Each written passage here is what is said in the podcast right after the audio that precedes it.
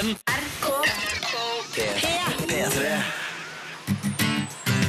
P3.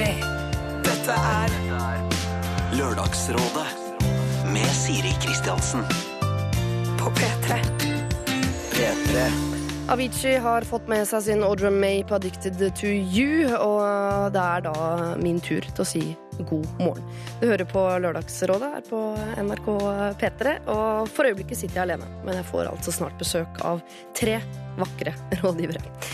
Jeg sitter og tenker litt på dette forholdet, altså det å være kjæreste med noen. Det er jo skremmende likt det å være venn med noen. Noen sier jo til og med at de er bestevenn med kjæresten sin, og andre råder deg til å bli kjæreste med din aller, aller beste venn. Det er nesten det samme forholdet, og det er veldig mange av de samme signalene som sendes i det å ville bli venn, være venn.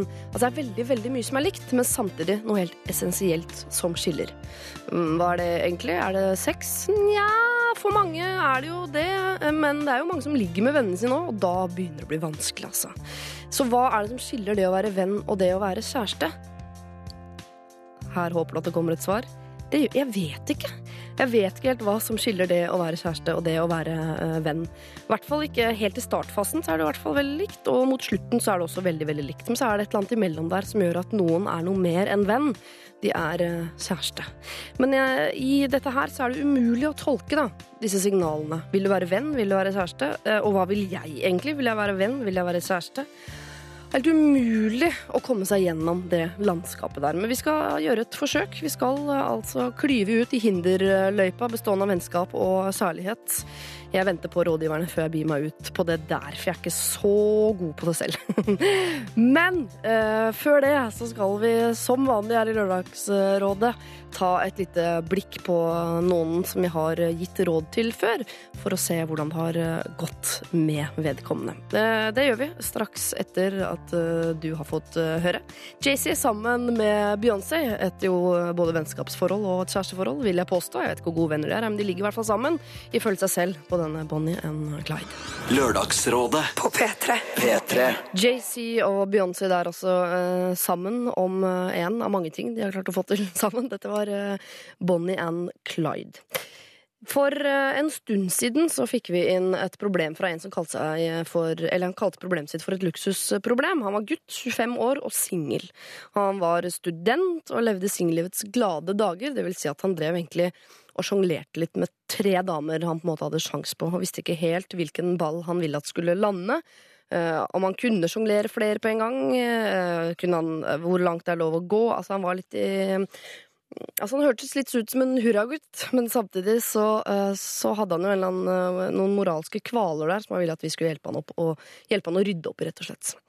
Eh, Den gang da så var eh, Jenny Skavlan her, sammen med Christer Torjussen og Ken Vasenius eh, Nilsen, og de ga blant annet disse rådene.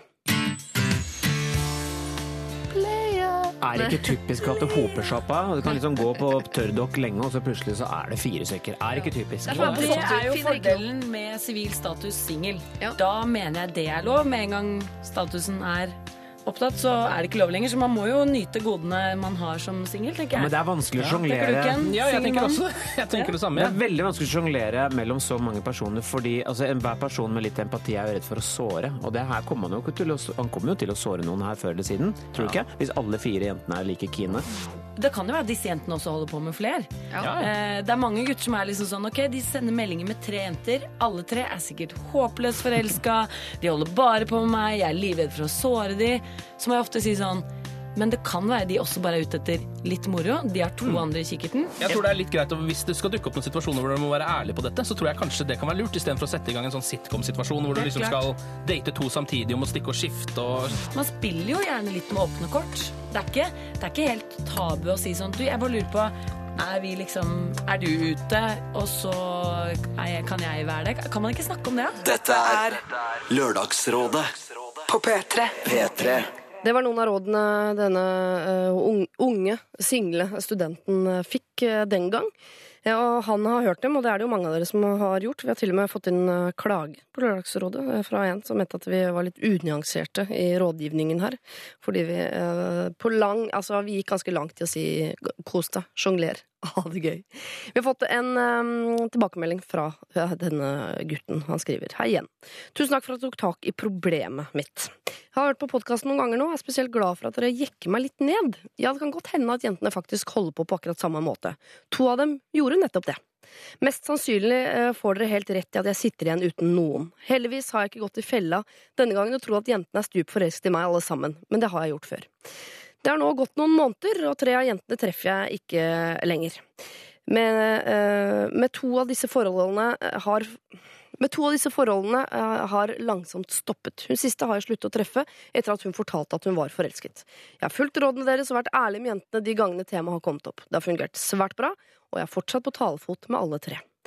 Det nevnte dere nevnte at jeg ikke uh, ga At jeg ikke klarer å sjonglere med flere samtidig over tid. Jeg må gi dere delvis rett, ettersom tre av jentene er ute av bildet. Men samtidig har to nye dukket opp, så det kan jo gå. Hilsen luksusproblemet. Eh, Christer Torjussen er her i dag også. Det er også Ken Vasenius Nilsen. Eh, Jenny Skavlan er her ikke. Vi har fått Tuva Fellmann som rådgiver i dag. Så da blir det flere gode råd om litt. Er P3. Da har eh, rådgiverne funnet ved hver sin stol, og det er to gode, gamle mandige eh, biffer av noen rådgivere, og så en ny liten eh, kalvestek av et kvinnfolk. Å, jeg elsker å bade i de bildene der. Eh, Vi starter med deg, Christer Torjussen. God morgen. God morgen. God morgen. Du har litt vondt Jeg har vondt. Ja. Jeg har det. i, Jeg har vondt i munnen min. inni munnen. Ja, ja, ja. Har du spist noe som er for stort igjen, da? ja. Jeg har tatt, tatt Det heter jo ikke ta vann over hodet. Nei, jeg har vært hos tannlegen. Ja. Og jeg har ikke gapet over noe. Jeg har bare, ene tanna mi fant ut at uh, nå er jeg gammel. Mm. Og så sa tannlegen jeg kan ta altså fikse litt på den og gi en ny fylling, men det er ikke så mye igjen av den. Så jeg Nei. tror kanskje vi tar hele greia. Så sa jeg ta hele greia. Så nå er det en tann mindre. Ja. Ja, Og er blakk. Nei, heldigvis ikke, men det koster jo satan. Det er jo 6000 kroner. Å, fy faen. Det har jeg ikke. Åssen er det med deg, Ken? Hvordan hadde, hadde du hatt eh, muligheten til å punge ut 6000 kroner for en tann? Eh, nei, men jeg, kan, jeg har en sånn ting som stikker opp bak der hvor visdomstennen skal komme, som jeg Oi. kunne tenkt meg å bli kvitt. Men eh, jeg har jo, som alle i hele verden, litt tannlegeskrekk. Ja. Jeg har liksom ikke noe lyst til å stikke og da punge ut 6000 kroner for å fjerne litt tappen. Nei, Men du, det er en ting? Det er, eller er det en tann? Det er en tang. Jeg veit ikke hva det er. Eh, Jeg har ikke peiling, fordi jeg har prøvd men Jeg ser jo ikke bak der. Jeg har ikke øynene i munnen. Så, Sånn er du. Ja, sånn er jeg. Så jeg har prøvd å ta på den, eh, og den kjennes solid ut som en tann. Men kan, enten så er det det, eller så er det noe som har bora seg ned i tannkjøttet og blitt der en stund. Ok, Jeg håper ikke det, da. Eh, Tuva Fellmann har ikke vært rådgiver her før, men har jo vært på radio, vil jeg tørre å påstå, ganske mye her i P3. Har du vondt noe sted? Vi begynner der i dag. Nei, det har jeg ikke. Nei, vet du hva, Jeg har faktisk ikke vondt noe sted. Det er ganske deilig. Og det er ikke noe sånn gammel ryggskade, ingenting? Nei, eh, jeg, eh, jeg føler meg litt sånn eh, Jeg pleier jo alltid å være på fylla på fredager, men Oi. siden jeg skulle hit, så har jeg ikke vært det. Eh, og da er jo det liksom Det er som å få et nytt liv, føler jeg. Ja. Å være friskus på en lørdag. Så det er ganske deilig. Ja. Det er en veldig god følelse. Jeg har hatt det sånn nå i fire års tid. Funker- Har du vondt noe sted du da, Siri? Eh, ja, jeg har veldig vondt i den ene fingeren min. Som dere ser, så har jeg kjempebandasje på den ene fingeren. Har du faktisk? Ja, det er, ser som, jeg ser ut som IT i dag, det beklager jeg. Eh, men jeg har betennelse i ene så det er ikke noe mer sexy enn det. Som på neieren, liksom? Akkurat på Ja, det ser, ser ut, jeg føles ut som det vokser ut en ekstra finger oppå den andre fingeren på naieren. Jeg føler sånn Betennelser har tatt litt, at det har tatt litt over sykdomsbildet. Ja. For Før så hadde vi jo veldig mye sånn koselige sykdommer som whiplash og slatters og sånn, som har bare forsvunnet. grunn. Det er ingen som har det lenger. Så nå har det blitt inn med betennelser. Ja, nå er det bare sånn eh, Hvis du er i bilulykke, så får du ikke whiplash lenger. Du får betennelse i nakken. Eller et eller annet sånt. Ellers så får du ME. Det føler jeg Ja, også er ja, det, Jeg er håper ikke det. betennelse, det òg. ja. Det er kanskje det. Langsiktig En betennelse. betennelse i sjelen. Kronisk. Sjelsbetennelse. Men jeg føler meg alltid når jeg, får sånn, jeg er sånn type som får sånne betennelsessykdommer. Da føler jeg meg så jævla møkkete. Skjønner mener? For da tenker folk sånn Vasker du deg ikke? Eller har du hatt et sår der, da? Så du, har du gått og, og lekt med hundebæsjen? Og da sier de Har du hatt fingeren i rumpa på lokføreren, da? Eller? Det er så lett å håndtere barn også når du har en sånn minusfinger. Ja. Det er, altså, de skal selvfølgelig hamre løs på den og bite i den og dra når man har sånne ting som det på. Ja. Men jeg slipper unna blæreskift om dagen. Det er veldig deilig. Kan jeg komme med et kjerringråd til betennelse i fingrene? Ja. Eh, og, og varme opp, eh, Ta varmt vann, og så helle vanlig grønnsåpe oppi. Og så Ja. putte fingeren nedi der og sitte med en dødslenge. Ja. Funker som ei kule. Selv om det er innvendig betennelse. liksom. Er det sånn at Nå har, har Siri barn og sitte dødslenge med noe? Jeg lar seg nesten ikke gjøre, tror jeg. Ja, da må man låse døra til et rom. Ja. Eh, Men det høres jo veldig besnærende ut. Det har jeg fått av legen. Hun sa det. Sitte med grønnsåpevann to ganger om dagen ganske lenge. Oh, ja, nettopp. I et rom med lås. Så det er faktisk gått fra å være eh, kjerringråd til å bli indremedisin. Det nå. Det Ja. er eh, ordentlig medisin. Jeg tror det er noe med så betennelse altså blitt sånn aldersrealitet. Man får mye, når man blir liksom litt oppi åra. Betennelse er jo Apropos, vet du hva det står på veggen til tannlegen min? Nei. Det er sånn maleri på veggen hvor det står står 'Under før er gørr'. Å nei. Med korssting, eller? Nei, det er sånn at blomsterpodder på, tenker jeg. Det er jo klart det. Det var jo så mye dritt. Det var så kjedelig før man fylte 40. Ja, nei, det var Kunne være dritt. ute hele natta. Ja, og herregud, gjøre masse kult, treffe masse fete Ja, folk. ja, ja. Ingen forpliktelser. Og, nei, det var litt kjedelig. Å, det er så gøy. Ok, Det høres ut som alle er i modus for å gi råd i dag. Jeg vet ikke om det blir så mye medisinsk. Det er litt opp til deg som eh, hører eh, på, men det blir nok mye sånn uh, følsomt og hjerteregionsrelaterte problemer. Sivilstatus? Uh, skal vi ta en runde på sivilstatus? Ja, det gjør vi jo alltid. Så det er rart du ikke gjør det i dag. Uh, takk, dr. Jones. Jeg begynner med deg. Jeg er mest spent på deg. Jeg, Ken Vasenius Nilsen. Ja, eh, på Tinder er min nye sivilstatus.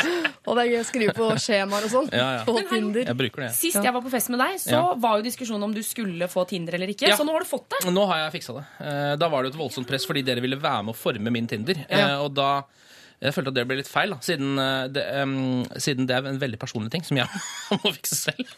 Ja, jeg må bare si fra til de som hører på som ikke vet hva Tinder er, i og med at vi har snakket om betennelse og sykdom, og sånn, så kan det høres ut som det er noe i den gata. Men Tinder er da en slags eh, sjekkeapplikasjon med GPS som man kan ha på mobilen sin. Ja. Det er faktisk litt viktig med den GPS-greia. Det er liksom det de har slått seg opp på. Hvis ikke så hadde det bare vært en vanlig sånn nettside hvor folk sier at de er kåte. Ja, Hvor døvt er det sånn? Å, jeg er dødsgodt. Det er en som har dødsgodt på meg. Det er perfect match. Bodø, ja. Mm. Topp. altså, det er viktig. Men har du eh, møtt noen fra Tinder? I... Jeg har ikke, jeg har ikke satt i gang det praktiske med det nå. Eh, bare det rent nettmessige. Ja. Eh, Så foreløpig så er jeg på en måte litt sånn eh, på Twitter hvor at man skriver en melding og ikke går ut og roper den i gatene. Ja. Eh, Men jeg har tenkt å sette i gang med roping i gatene etter hvert. ja, det gleder vi oss til. Ja. Film det. Tuva Fellmann, Ja. Eh, hva er din sivile status? Eh, jeg har kjæreste, Ja. eh, men bor i en annen by enn han. Ja. Eh, har valgt den kjipe løsningen der. Ja. Eh, som jeg velger å kalle for kjip hver gang jeg snakker om den. Ja. Det er usedvanlig mange som går for den løsningen, selv om alle klager på den. Ja, jeg vet det, Men det er jo helt umulig. Hva skal man gjøre da? Skal man bare drite i forholdet, da? Ja. Eller jobben. Må velge. Mellom jobb Ja, men eller jeg forhold. vil ikke drite i noen av delene, så derfor så bruker jeg heller tiden på å si at det er kjipt, og så Jeg kan trøste med at han også syns det er kjipt, for han er jo også rådgiver her hos oss. Ronny Brede også, og han også eh, beskriver jo sin sivilstatus på den samme måten. eh, som eh, altså i et forhold, men av den kjipe sorten pga. avstand. Eh, Christer Torjussen. Jeg, i motsetning til Ken, er jo mye på LinkedIn. Og MySpace. Nei, Ja. jeg er jo gift. Ja. Så jeg har jo ingenting på, på Tinder å gjøre. GPS eller ikke. Fremdeles gift. Men Du har to barn, men de har ikke blitt så store de at de er på Tinder. Nei, det håper jeg da ikke. Nei. de er eh, tre og seks. Tre og seks. ja. Nei, det er for tidlig. Ja. Håper jeg. Ja. Eh, Med dette som grunnlag og i, i, i sekken, så skal vi i dag gi råd. Altså. Så hvis du har et problem, du smører på, så sender du det inn til oss. Gjerne på mail. Det er jo gratis og fint. Det er så deilig format. Eh, lralfakrøll.nrk.no. P3. Dette er Lørdagsrådet med Siri Kristiansen. Vi skal ta morgenens første problem, og eh, dagens rådgivere er Christer Torjussen, Tuva Fellmann og Ken Vasenius eh, Nilsen. Vi skal hjelpe en jente på 20 år her. Hun har sendt inn en mail. For et par måneder siden ble jeg kjent med en ny fyr. Vi hadde vært på hils en stund, og vi har noen felles venner. Men jeg hadde egentlig aldri snakket med han på tomannshånd før. Plutselig en dag spurte han om jeg ville være med å ta en kaffe, og jeg tenkte hvorfor ikke. Det viste seg å bli kjempehyggelig. Vi hadde mye til felles og pratet i flere timer. Etter dette gikk det bare et par dager før neste gang han tok kontakt, og også denne gangen hadde vi det veldig gøy. Vi begynte å prate på Facebook og hadde kontakt oftere og oftere. Til slutt endte det med at vi sendte meldinger til hverandre kontinuerlig gjennom hele dagen, hver dag, og møtte hverandre flere ganger i uka. Han har også betrodd seg til meg om vanskelige ting i livet hans. Alle mine nærmeste venner har merket at jeg er mer interessert enn normalt i denne fyren, og slik som jeg tolker hans oppførsel, så virker han mer eh, interessert i meg enn normalt også. Men her kom problemet. Han har kjæreste. De har vært sammen noen måneder, men jeg ser dem nesten aldri sammen, og flere ganger når han har vært sammen med henne, har han sittet og sendt meldinger til meg samtidig. Jeg har prøvd å tenke at jeg må glemme det jeg selv føler, fordi han sikkert bare vil være venn med meg. Men samtidig er det helt umulig å være venn med noen du egentlig vil være noe annet enn venn med. Hva skal jeg gjøre? Skal jeg snakke med han øh, om det og håpe at det ikke ødelegger vennskapet? Eller skal jeg satse på at det går over av seg selv og bevare det fine vennskapet vi har nå? Med vennlig hilsen jente 20. Altså, her tror man jo lenge i mailen at uh, det skal komme sånn Nå er vi sammen, men aktig. Men øh, han har kjæreste fra før. Hvordan skal hun forholde seg til det? Men, men altså, jeg, jeg skjønte ikke på slutten her hun, de, de alternativene hun presenterer, er jo bare enten droppe det eller ta opp samtalen. Altså, Er det ikke et mål å bli kjærestemann? Ja, det sier hun ikke her, men det er, det jeg tror det allerede i mailen her så driver hun og trekker seg litt fordi hun er usikker på hva han kommer til å si. Ja. Jeg tror nok inni hjertet til jente 20 her så har hun lyst på denne gutten som kjæreste. Hun sa jo ganske interessert. Ja, Ja, ja, ja. Over men jeg, normalt. jeg, bare, jeg synes hun avsluttet det så veldig med sånn der Skal jeg droppe det, eller Ja. skal vi snakke? Jeg tenkte sånn Det er sikkert fordi de ikke legger fram det alternativet som på en måte er sånn skal jeg ødelegge et annet samliv. ja, eh, for, Men det komme- mener jeg burde vært et alternativ. Ja, da. er jo- Skal jeg ødelegge forholdet? Ja, jeg tror hun blir glad hvis hun får go på det. At hun skal ødelegge det. For jeg tror hun er ute etter og hvordan hun skal få han uten å gjøre noe gærent. Ja. Men hun vil uansett da bevare han som venn. Og hvordan gjør hun det? Noe venn eller noe mer? tror dette, Nå er jo dette forholdet sånn at det er ganske ferskt, ganske nytt, og de er i Ja. 20-åra. Og dette er åpenbart en fyr som har fått seg kjæreste. Også, å hei sann, der var det jo en annen jente som også var veldig interessant. Der har jo til, til og med jeg vært. Ja. Og når man holder på sånn og sender meldinger til noen mens man er sammen med noen, da er man jo åpenbart eh, interessert i noe, men kanskje ikke helt Man vet ikke hva. Jeg ville jo tenkt at hun bare skal fortsette og se hva som kommer ut av det. For det der høres ikke ut som kanskje et vennskap. Jeg tror hun er superkeen på han, og det tror jeg egentlig han er på hendene, med mindre han er sånn som garderer dobbelt. Det er jo dumt. Ja, for altså, Man skulle ønske at man ikke tenkte å ta hensyn til sånn gutt, jente, jente, gutt, jente, jente, alle de greiene her. Men det må vi jo, for det kan jo hende at de bare er kompiser. Han har ikke tenkt tanken engang på at de driver med noe Er ikke det Eh, kjemperart å ikke tenke tanken? Jo, det er jo noe rart, men Jo, han kan jo være at eh, kanskje han har et eh, kromosom vi andre ikke har. At han ligger en generasjon foran. Og sånn, Å ja, er du jente? Tenkte jeg nesten ikke på engang. Sender man meldinger til noen hele dagen mens man til og med sitter sammen med kjæresten sin, så er det jo Da syns jeg det er ganske åpenbart at man i hvert fall er interessert, da, tror jeg. Jeg vet ikke. Men, men når du sier det, vet du, når jeg tenker meg om, så hadde jeg faktisk Jeg hadde veldig mye kontakt med en fyr, og som til og med kom eh, altså, sånn på jobben min og spurte sånn, skal vi ta en kaffe, og det var kjempehyggelig, og jeg fikk litt sånn Ok, dette er det skitt, liksom. Og så inviterte jeg ham på date, og da sa han sånn Ja, dette er vel bare sånn kompiser, er det ikke det? Så det er Ja, ja, ja, man kan misforstå ja, så innmari. Jeg har vært i den situasjonen der flere ganger, tror jeg. Altså, øh, og da men da har det veldig ofte vært litt sånn omvendt. Her virker det som det er han som har, han som har kjæreste, som har starta det hele. Jeg har stort sett vært den som har starta det med noen som har hatt kjæreste, for å prøve å liksom uh, bryte opp i det og gå inn der sjøl og, og begynne å jobbe. Ja. Uh, så jeg syns det er litt rarere når motivasjonen på en måte når det starter hos han. Uh, så, men da kanskje jeg er litt enig med Christer, at han er litt sånn at han kanskje ikke er så investert i det forholdet som han er i. eh, og er litt mer sånn usikker og litt på den derre Ok, jeg tar ikke det så liksom sånn der, Hvis det dukker opp en annen her, så skal ikke jeg eh, liksom um, Det er, jo- det er jo en alder hvor man også kan sjonglere litt med framtiden, kan man jo si. Nå er jeg. Nå er jeg en gammel mann, men jeg tenker at hvis du, hun sier at han har betrodd seg veldig mye til henne og sånne ting, kanskje han snakker med henne om ting han ikke engang snakker med kjæresten sin om. Ikke Men i det så føler jeg at det kan være at han tenker at det bare er vennskap. Det kan det være. Selvfølgelig. Det er en tvega eh, problemstilling. Men jeg tenker at hvis jeg hadde sittet sammen med en ny kjæreste og sittet og teksta med en annen dame midt på dag hele tiden Ja. Det er noe der. Der tenker jeg det skurrer liksom Der ser jeg en, en tjukk liten sjerub som Ja. skyter en, en gummipil. Ja. Ja, ja for jeg, altså jeg også, Hvis jeg hadde vært en jenta av 20, så hadde jeg tenkt sånn Han er keen på meg. Åpenbart. Jeg hadde blitt veldig overrasket. Og du har kjæreste? Da hadde jeg ikke skjønt noen ting. Men det kan jo, før vi stempler han som en sånn rasshøl som har dame, men samtidig tekster med andre og sånn, kan jo være han bare har hatt veldig uflaks med timingen sin. Han har truffet to fantastiske jenter samtidig. Ja. Og så har han kanskje valgt feil. Det Ja. kan være at det er de to her som burde være sammen, ikke han og dama. Da mener jeg, altså, Jente 20 her skal jo ikke gi opp fordi eh, fordi om han er opptatt med en eh, hun aldri har truffet. Kanskje de er eh, det perfekte par. Men akkurat derfor så tenker jeg at det er viktig Jeg syns at Jente 20 skal si dette til eh, han fyren. Og si at du, vi driver og tekster. Jeg, dette, mitt inntrykk er at det kanskje er noe på gang her, men du har jo dame. Og så få cleara opp i det, sånn at de, han eventuelt kan slå opp med den dama og bli sammen, eh, jente 20. Eller at han da Men da må hun ta høyde for at det kan at han ditcher henne og sier at vi er bare venner. Men- Eller da, og da, det, da skjer det som hun er redd for. Da mister hun en venn. Men tenker sånn, det er jo ikke en venn hun er utgangspunktet ute etter. Nei, det er det jeg mener, fordi Hun sier jo litt sånn motstridende ting her. Fordi Hun sier jo 'jeg vil bevare vennskapet'. Ja. Eh, og det kan jo hende at hun faktisk tenker sånn 'jeg syns han er såpass bra at jeg vil ha han i livet mitt på en eller annen måte'. eller noe. Ja. Men hun vil jo åpenbart bli sammen med han, tenker jeg. Ja. Eh, og det er jo forskjell på vennskap og å bli sammen med noen. Enig. Så liksom en av de må kanskje ryke, da. Eh, hvis du skal, eh, og da må du kanskje gå for det du har mest lyst til, istedenfor å liksom egentlig være litt feig. Og bare venne, prøve å liksom, ok, men vi kan bare være venner, og så går du og irriterer deg isteden Ja. inni deg. for Eh, så jeg er litt enig med Tuva at hvis, det, hvis det er, personen er såpass tøff For det er jo ganske vanskelig også å gå bort til noen og si akkurat det som du sa.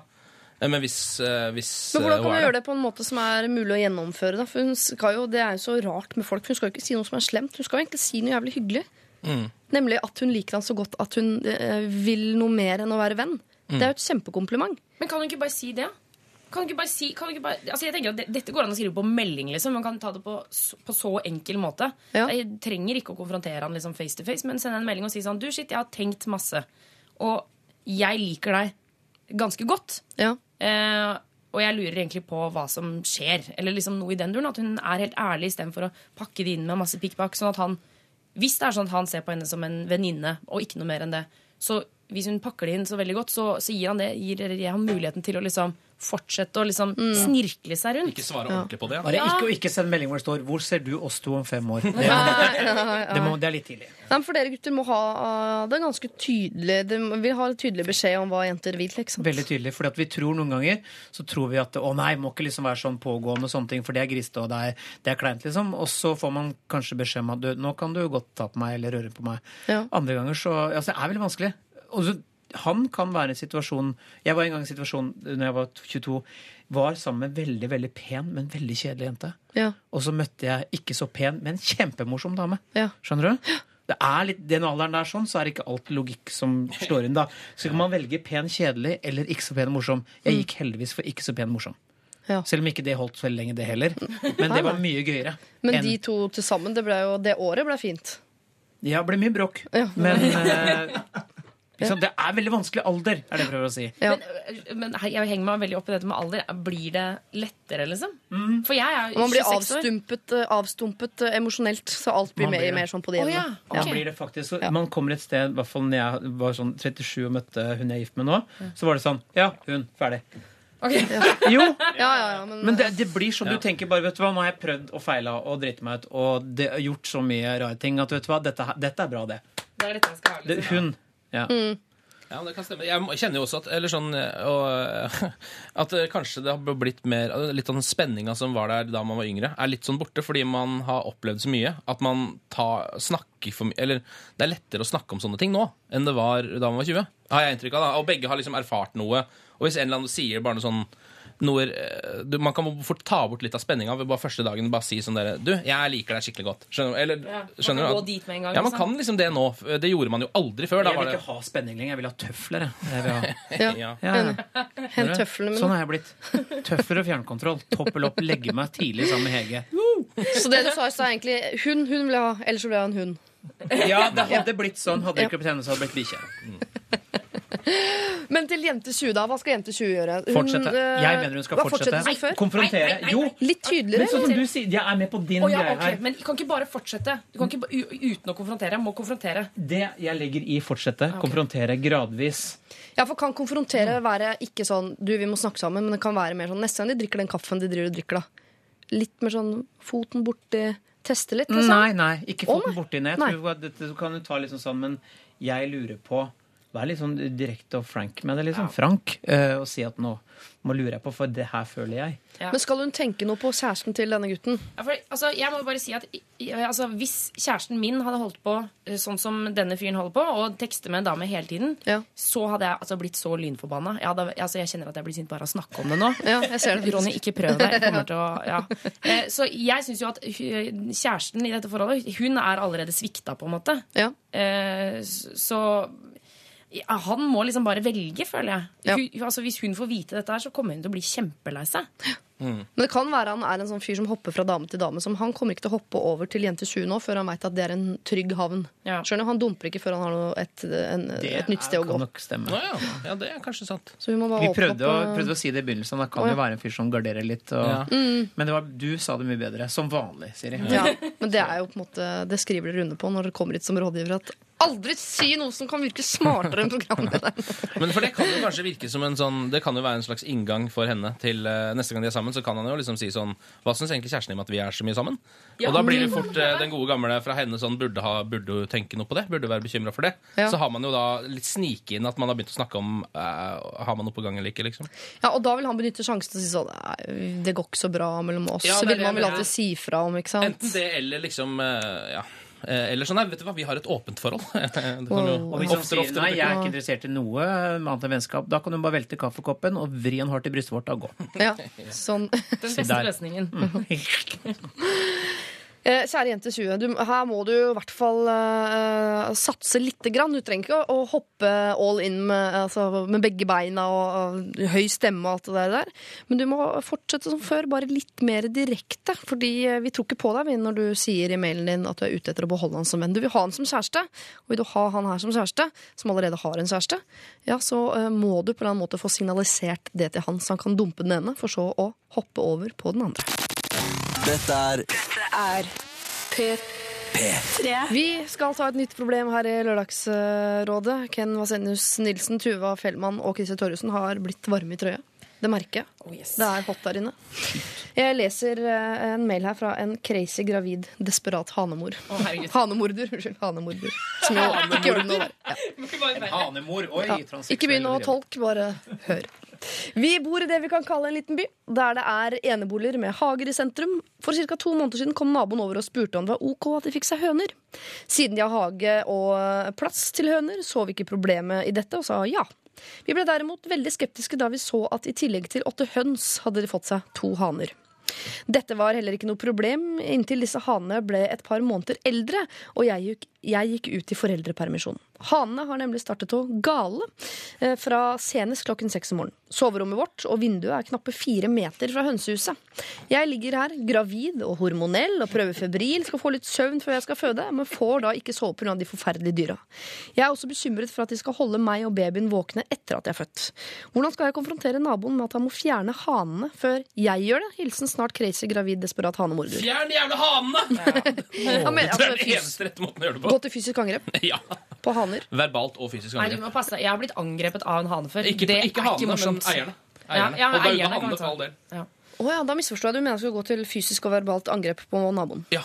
eh, I hvert fall et ganske Jeg verbalt tenker et. kanskje dialog er lurt først. Å ja, ja. kan Jeg er prøve gammeldags der. Jeg tenker at eh, Kjør dialog og si at eh, disse hanene driver meg til vanvidd. Se på meg, jeg er gravid. Det holder på å klikke for meg. Ja. Jeg, kommer til å, eh, jeg kommer til å føde for tidlig pga. de ja. jævla. Så kan hun vente med gravidkortet, tenker jeg. Fordi det, det, altså, det er det beste kortet hun har, men det må hun, det må hun spare. Det. For hvis hun går ut sånn Unnskyld meg, jeg er gravid og får ikke sove med de hanene. Hvis hun går ut der, så tenker alle sånn Å, nå er hun sånn gravid Sånn, med hun igjen. Som bare, å, ja, å, stakkar deg. Hvis hun, sånn, hvis hun sparer det med graviditeten Kan hun ikke bare klappe seg litt på magen mens hun står og prater om det? At Jo. hun liksom bare så forsiktig tar på den gigantiske magen mens hun snakker om hannene. ja. Men jeg lurer på, hvis hun, hvis hun går over til naboene og sier eh, disse hannene er litt slitsomme, er det noen mulighet? Hva, skal liksom, hva er den mulige løsningen for naboen? At han sier sånn Ja, men da dreper jeg de, da. Ja. Eller selger de, eller slakter de, eller jeg vet ikke hva man gjør med haner. jeg. Tenker sånn, Kommer det til å skje? Han har spurt. Men hva skal man med haner? Det går jo ikke an å, det går jo ikke an å dempe de. Nei. Det er jo ikke mulig å tre en plastpose over hodet. Men kan man ta strupebåndet på en hane, for eksempel? Jeg ville i nødstilfelle kanskje gjort det, men Ja. Men det høres dyrt ut, tenker jeg. At det er, Ja. det er mye billigere å, å kvele en hane enn å bare ta strupe. Jeg synes det er veldig rart for folk som bruker mange tusen på å operere dyr, nemlig. Men uh... Men han må jo begripe at Ja, det det eh, når, han, når de starter kalaset klokka halv seks om morgenen Hun kommer ikke til å få sove så mye mer etter at hun får barn. Dette kan jeg skrive under på. Men uh, inntil det så er jo søvn uh, kjærkomment. altså, det er litt prekært òg. Altså, det må tas nå. Så hun rekker å sove litt før babyen kommer. Hun kan også slippe inn et annet dyr inn i hønsegården. Rev. En hund Ja, eller rev. Å, eventyr! Gjør en Rev. liten rev, ja. Snek, snek, snik en rev. Snek en rev. Hvor får man en rev fra? Jeg veit ikke! Fra skogen! Det er en illsint bikkje. Ring Rottweiler. Ring Elvis. Men jeg, fordi jeg tenker, de har sagt sånn Kan vi få høner? Ja. Og så får de haner. Å ja, det var ikke avtalen. Det var det faktisk. Det er Han sa ikke det, eller? Nei, sa Nei. høner. Ja, men da Kan har vi få høner? avtalen. Ja, men da, altså, Gå over og si at jeg, vi, vi trodde det var Eller, nei, vet du hva? Jeg, jeg endrer alt. Jeg syns hun skal bare legge seg helt flat og si Vet du hva, Jeg beklager. Når dere sa dere skulle få høner, så gleda jeg meg veldig masse. Det var, jeg var så gira. Men nå skjønner jeg at jeg har tatt liksom vann over hodet. Jeg har driti meg ut. Jeg trodde det skulle gå, men jeg får det ikke til. At hun liksom virkelig Ja. legger det Jeg er den dumme her. Ja. Men er det noen mulighet for å fikse det? For da får de liksom litt dårlig dårlig Ja. Men det er Eller, og kanskje også foreslå Jeg kan hjelpe dere å flytte det eh, hønsehuset til andre siden av For jeg, jeg tror ikke jeg ville hatt høner fire meter fra Du soveromsvinduet kan mitt heller. flytte en du hane ti er? eller? meter, og du blir likevel hører faenskapet. Altså, vet du, vi hører en hane som er over på andre sida av skauen. Ja. Ikke kjempehøyt, men nok til at jeg hører den. Så Ja, Jeg syns synes det er litt rart rart at denne situasjonen har oppstått i det hele tatt. Jeg bare tenker sånn, Det fins jo vanligvis såpass mye sunn fornuft i folk Jaha. at de ikke liksom setter ja, ja, Men at man ikke setter opp en flyalarm utenfor vinduet til naboen. Ja, det er jo liksom ja, ja, ingen som gjør det. Du, vi har en bikkje, en nabobikkje som bjeffer for ingenting hele forbanna dagen. Så det, er altså, Ja. Og eieren er sånn Hæ, bjeffer han? Ja, prins bjeffer hele dagen for ingenting. Ja, ja, ja det finnes nok det, men det er liksom på en måte Når du kjøpte den hunden, så var det på en måte ikke eh, 100 sikkert at det skulle skje. Men det er det jo med en hane, fordi det er jo oppgaven til en hane er jo gale om morgenen. Ja. Eh, så det er liksom litt forskjell, litt er derfor det. finnes. Ja, det er derfor de eksisterer. De har glemt oppgaven til hanen. Ja, er. Han er på jobb! Han er på jobb hele tiden. Eh, eller ikke hele tiden, bare på morgenen. Men hvorfor galer de, da? Hva, hva, hvorfor? Men det, og det er kanskje Det er for å vekke folk. Vekke folk, Det derfor nettopp. Ja. Det, det, altså, de, det var hun som oppfant hanene før vekkerklokka kom. Tror jeg. Og så er hvis haner er der for at opp, hønene skal oppføre seg bedre. Fordi Hvis det er bare damer, så blir hønene gærne. Dette har vi fra Ja. menneskeverden. Begynner de å hakke på hverandre? Ja, har dere sett uh, Orange is the New Black? Det skjer når ikke det er haner til sent. ikke sant? Veldig. Men uh, konfrontere er én ting. Det burde du bare gjøre. Altså, det er bare gå til sa. avtale, avtalebrudd. Ikke vær sint. Eller, trenger ikke være så sint. Men hvis naboen sier sånn Sorry, kjøpt haner. De blir. Ja, Da må man jo over på den gode gamle lydterror tilbake. Altså Man må sette opp et stereoanlegg og spille Brimme Borger der ganske knallhardt. eh, Eller legg den ungen din ute i hagen når den kommer. Når den så kan den skrike hele veien. Ja, med høyttaler og PA. Ja, Ja, ja, ja. ja, ja, ja. Si at her har du samme driten tilbake. Tusen takk. Men er det ingen som Altså, hane. Det er på en måte, for meg hane, skogbjørn, flått. Altså, kan, er det ikke lov å drepe andres haner? Nei. Nei. Jeg tror faktisk ikke det. altså. ikke det Jeg tror det er andre manns eiendom, og da kan de bli sinte. Pluss at jeg tror, altså, En hane er litt sånn større enn det man ofte tenker. føler jeg. Altså, det å drepe en hane tror jeg er ganske Med dramatisk. rottegift eller altså Ja, sånn, ja. Jeg man kan jo ja, legge ut rottegift i, i nei, nei, du kan ikke gjøre det, altså. Ja, men du mister litt rottegift ut av soveromsvinduet. Ops! Nei. Er det helt Man må i er hvert fall passe på rekkefølgen her. Altså Hvis man går for drap, da. Hvis man går for drap, Ja. eh, så må du for all del ikke klage først. Fordi da har du det knallharde motivet som gjør at du er den eneste som kan ha drept disse eh, hannene. ja. Eh, så enten så må du gå og klage, eller så må du da hive ut rottegift, miste litt ut av vinduet. Og late som det ikke var deg. ja.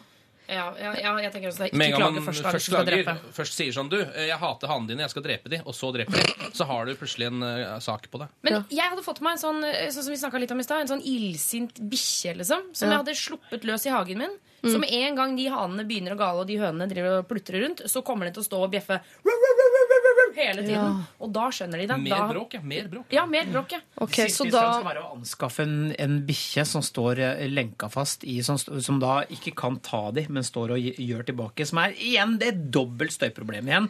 Ja, Pluss at når de da fjerner hanene, så har du en hund du må bli kvitt i tillegg. Så det er Da kan du omplassere den eller noe sånt. Da. Ja. Ikke ja, men hvis man først skal gå dit, da, at man skaffer seg en hund, så tenker jeg sånn, i og med at de har sagt vi skal ha høne for hane, sier sånn eh, Kan vi få hund? Ja. Og sa hun. Det ble rev. Sorry. Så, Det er ikke så dumt. ja, for hund og rev er det samme som høne og hane. Det er liksom Ja, det er Eller Det er å bomme litt der, liksom. Oh, sorry, sa jeg, sa jeg hund? Jeg tok en ulv. Eh, uff, dette, dette er ikke et problem vi får mye av. Det skal sies. Eh, Selv om vi får inn mye sånn støyproblematikk. Men det er ikke ofte at det er hanen som er roten til eh, støyproblemet. Eh, Så til deg, crazy, gravid, desperat hanemorder. Du må ikke bli hanemorder, men vi, gir deg også en slags tommel opp for det. Hvis du har, en, har det i deg, så er min personlige favoritt er å drepe de hanene. Fordi det er avtalebrudd. Og haner ikke har noe mer eh, Altså, det, det er ikke De har ikke noe mer enn en flått. Altså, de har ikke noe hjerne eller noen følelser eller noe sånt. Eh, så det hadde jeg gått for, men jeg hører jo at det er konsensus også for å gå i dialog her med naboen. Ja. Så eh, det er lov å prøve det der med dialog, men jeg, jeg heller faktisk mot rottegift. Lørdagsrådet på P3.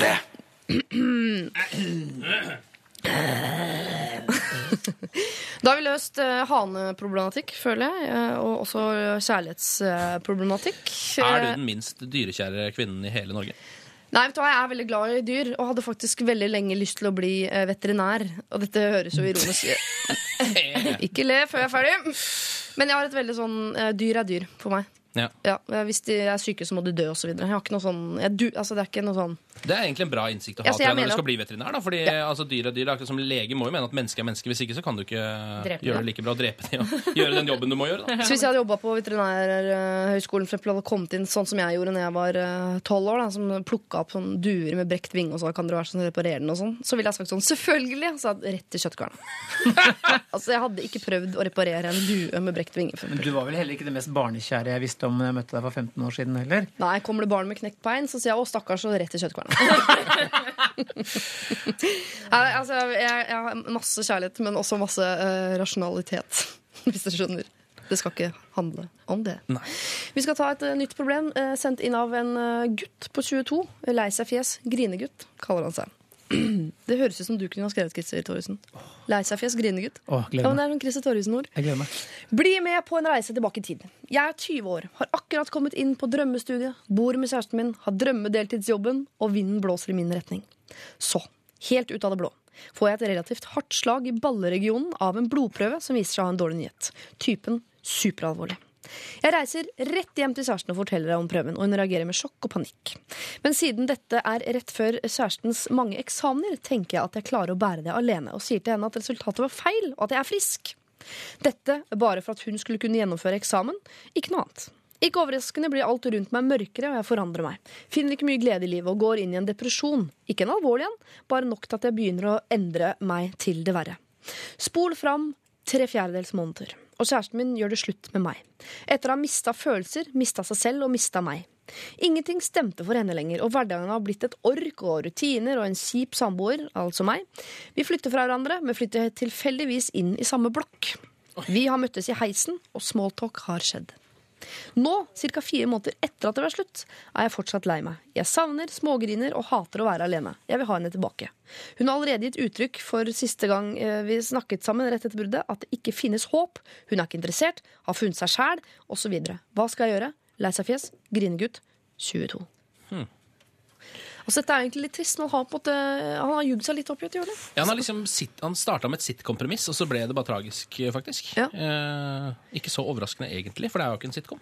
Jeg, jeg, det er lett å være etterpåklok, og sånn, men jeg, jeg får nesten litt lyst til å si sånn skjønner at du er lei deg nå, men for en idiot! Jeg syns ikke man skal ljuge om sånne ting fordi at noen skal ta eksamen. Man prøvde bare å være grei, da. Ja, jeg skjønner det, men jeg likevel så Jeg skal bare si det én gang, og så Ja. er jeg ferdig med det. Men det syns jeg var dumt gjort. Ja. Ja. Og så kan vi gå tilbake til grininga. Det kan vi for så vidt være enige om.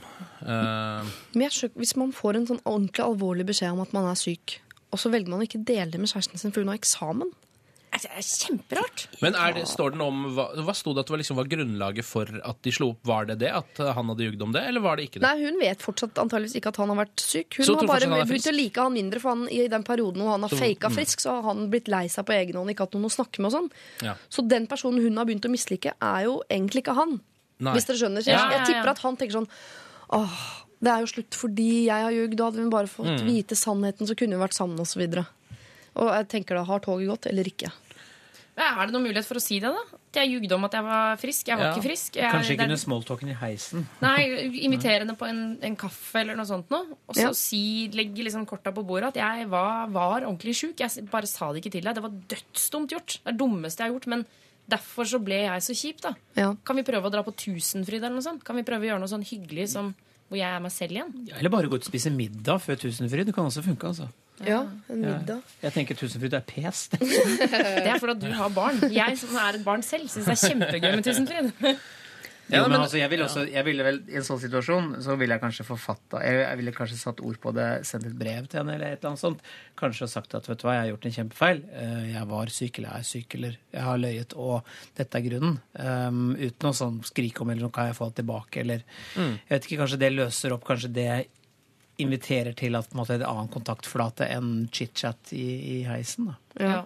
Men hvis hun har uttalt altså, det er ikke håp, jeg har funnet meg sjæl. Så tenker jeg at selv om liksom, det er eh, en grunn til at han var sur i den perioden hvor hun gikk fra eh, han, og sånn, så er det vel det, jeg bare, Sorry, jeg hører at dette toget har gått litt, da. Ja, men, ja, det er jeg litt enig i. Og man kan jo prøve å løpe etter det og se om man får hivd seg på eh, helt bakerst. Men Ja. allikevel så er det Jeg tenker at det kan hende at han allikevel At det vil være veldig godt for han og siden han fortsatt sitter på den her løgnen, da, faktisk, en liten sånn begynner å bli en slags livsløgn overfor eksen sin, liksom, så kan det være greit å bare få sagt det til henne, tror jeg. Ja, for Fortjener hun å vite det uansett, egentlig? Hva Hun framtida gjør jo bringer? kanskje det, og han fortjener kanskje litt å få snakka om det også, tror Ja. jeg. Eh, Så liksom, Jeg vet ikke om den samtalen kommer nok ikke til å føre til at de blir sammen med en gang, det tror jeg ikke. Men da har man i hvert fall begynt lite grann, kanskje, med blanke ark. Eller ikke blanke, det er det jo ikke, men man har på en måte i hvert fall eh, tatt opp eh, dette her og fått snakka litt om det. Jeg tror det u- aldri kan føle til noe dumt, da, uansett i en sånn situasjon. Uh, det kan jo ikke bli noe verre for han. Hennes ord også, hun snakker om å finne seg sjøl, er kanskje en forsvarsmekanisme mot et menneske som isolerte seg og ikke snakka lenger og, og ble veldig mørk, da. Ikke sant? Og du, Så har du møtt masse hyggelige mennesker etterpå, liksom kommet i gang litt. Mm. Når du, når du ikke fram til den du på en måte er nærest, så, så er det et ekstremt frust- Det er veldig frustrerende, tror jeg. Ja. Og så har hun forsøkt, og så har hun skjønt at det her går- Nå vet jeg ikke hva som skjer. Og jeg tror nok hun bare kanskje garderer seg emosjonelt også. Hun, jeg mener at hun fortjener uansett å vite om at han Ja. er eller har vært syk. Det synes jeg hun, Såpass mye raushet må det være i den særligheten, selv om ikke den er der lenger. Eh, og så tenker jeg at han må ikke fortsette da på å sutre seg tilbake inn i det forholdet. For hvis hun allerede liksom har blitt litt lei fordi det har vært litt sånn tung stemning, og alt mulig, så tenker jeg at han må vise en litt sånn glad side av seg selv. Nettopp å gjøre de arka så blanke som mulig, og så vise den siden som hun antakeligvis ble forelsket i når de ble sammen i utgangspunktet. da. For å, uansett hvor syk Jeg tror liksom Man kan ikke sutre eller medlidenhet inn i et forhold igjen. Nei, det liksom. Man tror jeg ikke funker. Men det er liksom, jeg tror han må, vi, først så må han jo få henne på kroken nok til å få tatt en samtale. da. Ja. Å få henne opp til seg. Eller kan det gå an å skrive et brev også, Ja, kanskje? brev, altså. Ja, jeg syns brev, altså. Selv om det bare virker så rart når de bor i samme oppgang. Men Ja, for da det går hun ned og banker på og bare jeg har brevet. har brev, eh, det er et eller annet Men det ja, burde jo ikke ha noe å si. Altså, Det går med mail også. Vi er i 2014. Ja. Det er jo ord som betyr noe, det òg. Men eh, jeg ville satt meg jeg, jeg tror jeg ville satt meg ned og skrevet og sagt at ok, dette er situasjonen. Og Mm. så kan man postlegge det. Og så kan man også gjøre, så går det en runde Ja. i postsystemet, og så lander det lander det på samme sted. Det som er fint med det, at da får man jo sagt det man mener uten eh, at man sporer av. Eller man får sagt akkurat det man mener hvis man skriver et brev. da Og får tenkt seg om ordentlig og brukt de ordene man vil ha. Fordi med en gang man går i en samtale, så kan det noen ganger hende at den ikke ender opp der du ville. Ikke bare det at Hvis du skriver et brev, så bruker du ikke smilefjes.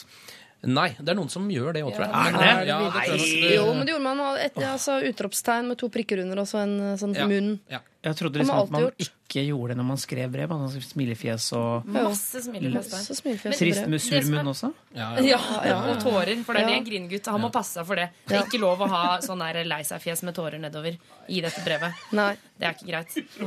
Utropstegn, og så renner det nedover. Men, men jeg tror helt ærlig og oppriktig at idet hun får dette brevet, eh, så kommer hun til å Så kommer det til å endre seg veldig for henne, da. Ja. Tenk deg alle de folka vi har hatt en sånn nær relasjon til, som vi har gått drittlei av og slått opp med og dumpa. liksom. Som har forandra seg veldig. Som vi har sagt sånn, Æsj, jeg vil ikke være sammen med han. Han er kjempeteit, han har blitt dust. Og så hadde han fortalt etterpå at ja, men jeg var syk. Ja. Jeg tenker Hvis det hadde skjedd meg, da hadde det blitt sånn Herregud, alt er jo annerledes nå. Men da skal hun ha dårlig samvittighet, da. Det kommer hun til å få. Nei! Det må han si. Det må han si til henne. At du skal ikke Altså, dette Ja. er jeg som har gjort noe dumt. Det var meg, ikke deg. Og det var jeg som svartna, og det var jeg som gikk ned i kjelleren og ble sittende der mutters aleine. Ja. Det kan ikke hun ta ansvar for, han.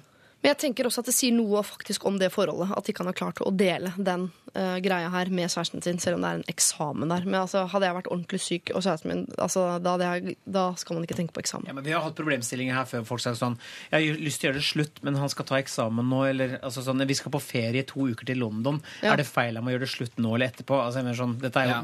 mye tyngre. Ja. Ikke sant? Folk har en veldig irrasjonell eh, tankegang når det kommer til når er det riktig å Så det her er jo dyptgående eh, problem, og her bør han jo, som jeg sier, si fra. på en- Si fra. Ja. Men Sånne ting som eksamen virker jo voldsomt viktig noen ganger. Eller sånn, kanskje når man er 20 eller når man er litt yngre, så kan det jo virke som det nesten er hele verden. Eh, med sånne litt små ting. Jeg så en sånn uh, rar reportasje om en uh, tenåring i USA som skulle inn i fengsel, eh, men um, da ikke kom den datoen hun skulle inn, fordi at hun måtte på Kesha-konsert. Eh, så det som da skjedde var at hun fikk jo en ekstra dom på seks måneder. eller sånt. Men det var bare sånn, ja, ja, men jeg måtte på den Kesha-konserten, liksom, så de seks månedene jeg bare ta. Det var noe juvenile-greier å skulle på. Jævlig bra reklame for Kesha. Det er dritbra reklame for Kesha, eh, selvfølgelig. Men eh, det sier jo litt om at man kanskje ikke alltid har hodet helt på rett plass noen ganger. Nei, det er sant. At man må tenke sånn, Kanskje helse er jo egentlig viktigere enn eksamen, enn liksom eh, X-Fill, er det ikke det? Kanskje jeg skal si fra om dette? Jeg Ja. tror ikke menn, når noe oppstår, i hvert fall nedentil, og det er alvorlig, så tror jeg ikke hun er på rett plass noe sted. i det Nei. hele tatt. Jeg tror du blir så irrasjonell og, og redd og rar av det at eh, jeg forstår han, Ja. faktisk. Ja. Eh, jeg legger til også at eh, han i etterkant har fått beskjed om at han er frisk.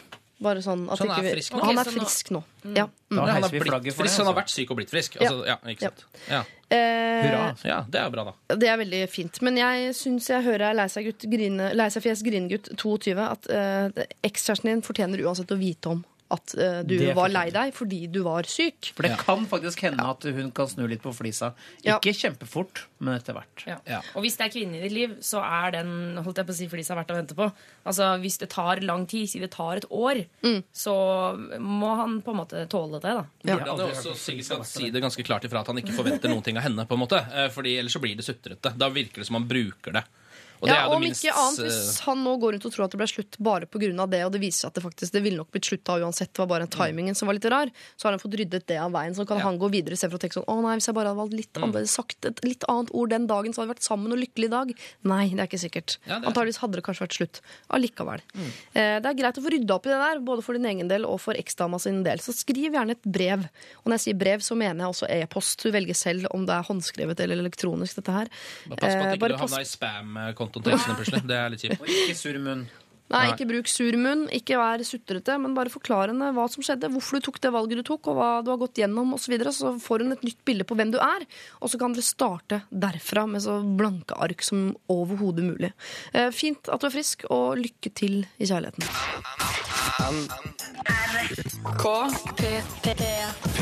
P3. Eh, Vi skal over i noe litt mer eh, praktisk, så jeg eh, tenkte jeg skulle høre med dere.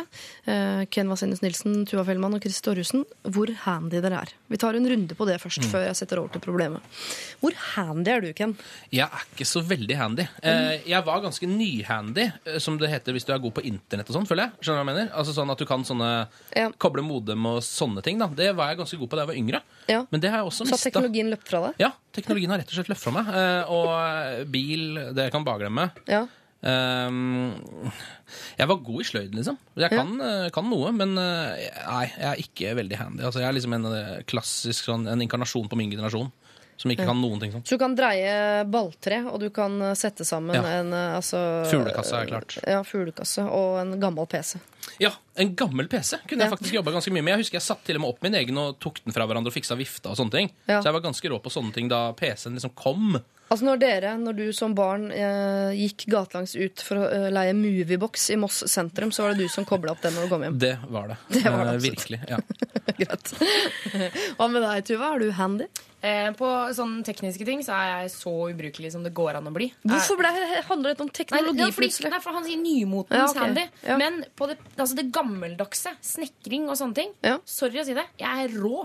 Er jeg er dødshandy. Ja. Jeg, selv om jeg, jeg kan det egentlig ikke, men når det først står til, når, når skapet skal bygges, eller pallen skal løftes, eller noe sånt For du kaller det å bygge når du setter sammen Ikea-skap, ikke sant? Nei, men jeg kan bygge det også. da. Jeg, jeg tror jeg kunne bygget liksom Jeg kunne bygget et bord uten å bruke Jeg, kunne bare, jeg, kunne, altså, så jeg får det til når det først er der. da Ja. Fatteren min er jo snekker, og han har ikke noen sønner, så derfor så Mm, du har er oppvokst på en ja, sånn uh, flisehaug. Ja, ja, Så jeg har liksom sånn på mobilen min så har jeg den der appen som, uh, som Vater-app.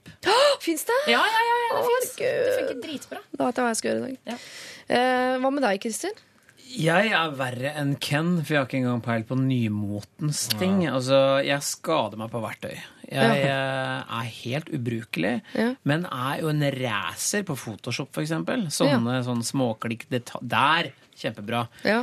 Men når det er sagt, så har jeg også en svigerfar som er murerentreprenør, og han kan jo han kan bygge et hus fra ingenting. Ja. Så jeg er jo skandaløst uh, dårlig valg for hans eh, datter. Men Ja. eh, Du skal ikke ta over hjørnesteinsbedriften? Nei, og han gjør ting i huset når jeg er borte.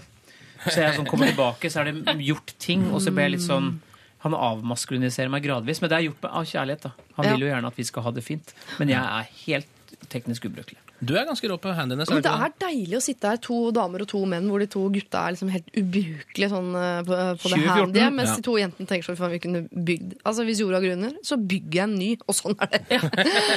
For ja, jeg også er jo over middels handy, må jeg påstå. Men uh, jeg Ellers så har er det bare du og jeg som har veldig mye selvtillit på akkurat dette. Altså. Ja, men man får veldig dårlig selvtillit som mann hvis man ikke er drithandy. Det må man Ja. jo si. Fordi det fins jo folk der ute som bare ja, fikser absolutt alt. Men altså, hvis man skal dra handiness over i Jeg drar det alltid inn til Ikea. Mm. Jeg bruker ikke bruksanvisning på Ikea-møbler lenger. Oi! Gjør faktisk ikke Det det. har jeg aldri jeg bare, gjort, men jeg har- jeg skjønner det bare. Heller aldri fått det til. Så det. Den Det sjansen vil ikke jeg tatt. Om det er Matrix-aktig, du vet når de tallene plutselig regner ned, og så ser man et system. Altså jeg, Når jeg ser alle delene til Ikea-møbel, så er det akkurat som bare brrr, ping, Og så ser jeg møbelet, og så er det bare get it on. På første forsøk. Jeg er nokså ofte første forsøk. Dette skal du skrive bok om. Jeg er så Umbracoen er min venn. Så Jeg, til og med jeg kan sette sammen Ikea-møbler. Jeg er ikke så ubrukelig, det klarer jeg. Men bruker jeg ser ikke matematiske systemer komme rennende uten Jeg leser bruksanvisninga, og jeg gjør feil. ja. Men jeg klarer det til slutt. Åh, Sånn at det blir den der eh, brune sida ut istedenfor den hvite skuffefronten og sånn. Sånn er du. Ja, så må, ja, så må man banne litt og skrike sånn. Hvorfor er det, Her skulle det vært fire av de her, og her Ja. er det bare to. Ja. Og så sier da kona mi du sitter på de to andre, og så sier jeg hold kjeft, da. Og så Ja, det er det. Samme. Sånn går det. Vi skal eh, hjelpe en eh, dame som ikke er fullt så eh, handy, rett etter eh, dette. Lørdagsrådet På P3. P3 Vi har etablert at uh, rådgiver Tuva Fellmann er nokså handy, i hvert fall i sitt eget uh, hode. Uh, Ken Vasenus Nilsen har innrømmet at han ikke er så handy. Uh, Christer Torjussen også har innrømmet at han ikke er så handy, men han kan da skru sammen dette K-møbel, skal vite. Feil først. Mm. Sorry. Vi skal hjelpe en som sier selv at hun ikke er så handy. Hun skriver her. Kjære lør- lørdagsrådsgivere.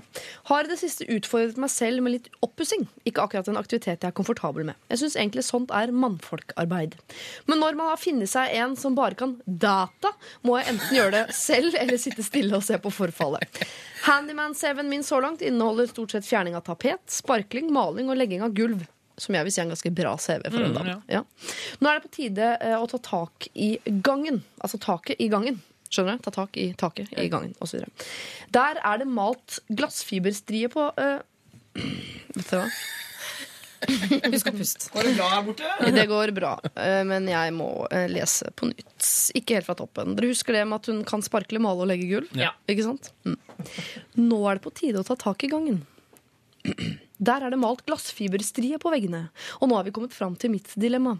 Skal jeg male kjapt over veggene eh, med en fin farge og bli ferdig på en helg? Eller skal jeg begynne å styre med å helsparkle veggene før jeg går i gang? Jeg hater virkelig glassfiberstrie på veggene, men helsparkling av vegger ligger ganske langt utenfor komfortsona mi. Det kommer til å ta mye tid, bli mye pussing, støv i huset, og resultatet er absolutt ikke garantert. What to do? Hilsen not so handy woman. Er det noen som har erfaring med helsparkling? Nei, det har jeg faktisk ikke noe erfaring med. Nei, ok, det har jeg. Det har du, ja. Men jeg, jeg bare kommer inn på slutten med noe fascisk-greier. Kan ikke dere bare skravle litt først? Hun er jo, altså, hun er jo kjempehandy. ja. Hun er ikke uhandy. Ken, kunne du gjort dette? Jeg har uh, pusset opp mitt eget gulv en gang. Jeg har tatt av gulv og pusset opp. Det er, liksom det, det er det eneste jeg har gjort uh, handymessig. Det er min CV, da, stort sett. Ja. Med sånn bonemaskin og sånn. Da følte jeg meg ekstremt handy, men maskinen gjorde jo all jobben. Jeg kjørte den egentlig mest bare rundt. Du satt oppå i bar overkropp og drakk øl, liksom? Mens han bare Dessverre var den ikke så stor at jeg kunne sitte oppå den inne i min lille uh, leilighet. Men eh, nei. Nei, men eh, fordi, altså, ok, hva, Siden vi er uhandy her, alternativene er altså at enten så må du da eh, ta bort hele tapeten. Ikke sant? Nei, Først det har du rive- faktisk ikke eh, listet opp som alternativ. Hun Å, nei. bare, hun, dere vet hva over. glassfiberstrie er, ikke sant? Ja, så vidt. den som ser ut som fiskebeins, som Ja. Mm. alle hadde før, som er støkt. Eh, så hun vil enten male den og bare liksom svelge den glassfiberkamelen. Mm. Eller så vil hun helsparkle det, som er en eh, stor jobb, Og egentlig. så male over det. Eh, Og så male det, men da blir det helt slette vegger. Ja. Ja.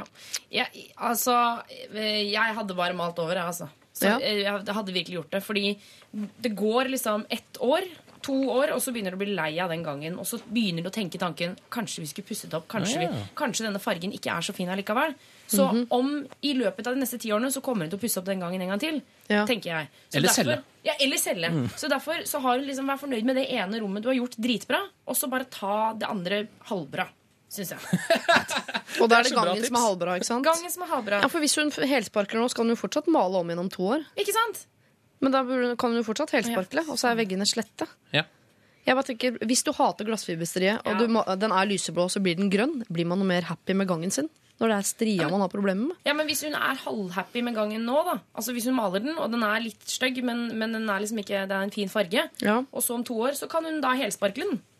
Ja, ja. Så hun kan jo vente med liksom den store, tunge jobben nå som hun akkurat har liksom løfta et lass med andre ting. Man kan jo sette opp et slags regnestykke her, eh, hvor du da tar på en måte altså, eh, Økonomisk eller tidsmessig? et tidsmessig og versus da glede. Eh, altså, eller hvor mye du bryr deg om den veggen. da Og hvor mye irritasjon det skaper at du ser at det er glassfiber der. Eh, så må man jo da sette opp et slags regnestykke som er sånn derre Ok, hvis dette tar en uke, eh, og jeg går forbi eh, og syns det er helt greit etterpå, så er kanskje ikke det verdt det. Men hvis det da, du bruker bare en dag på det andre, eh, og går og bare irriterer deg sånn litt over det, Ja. så kanskje det faktisk er den, det vinnende.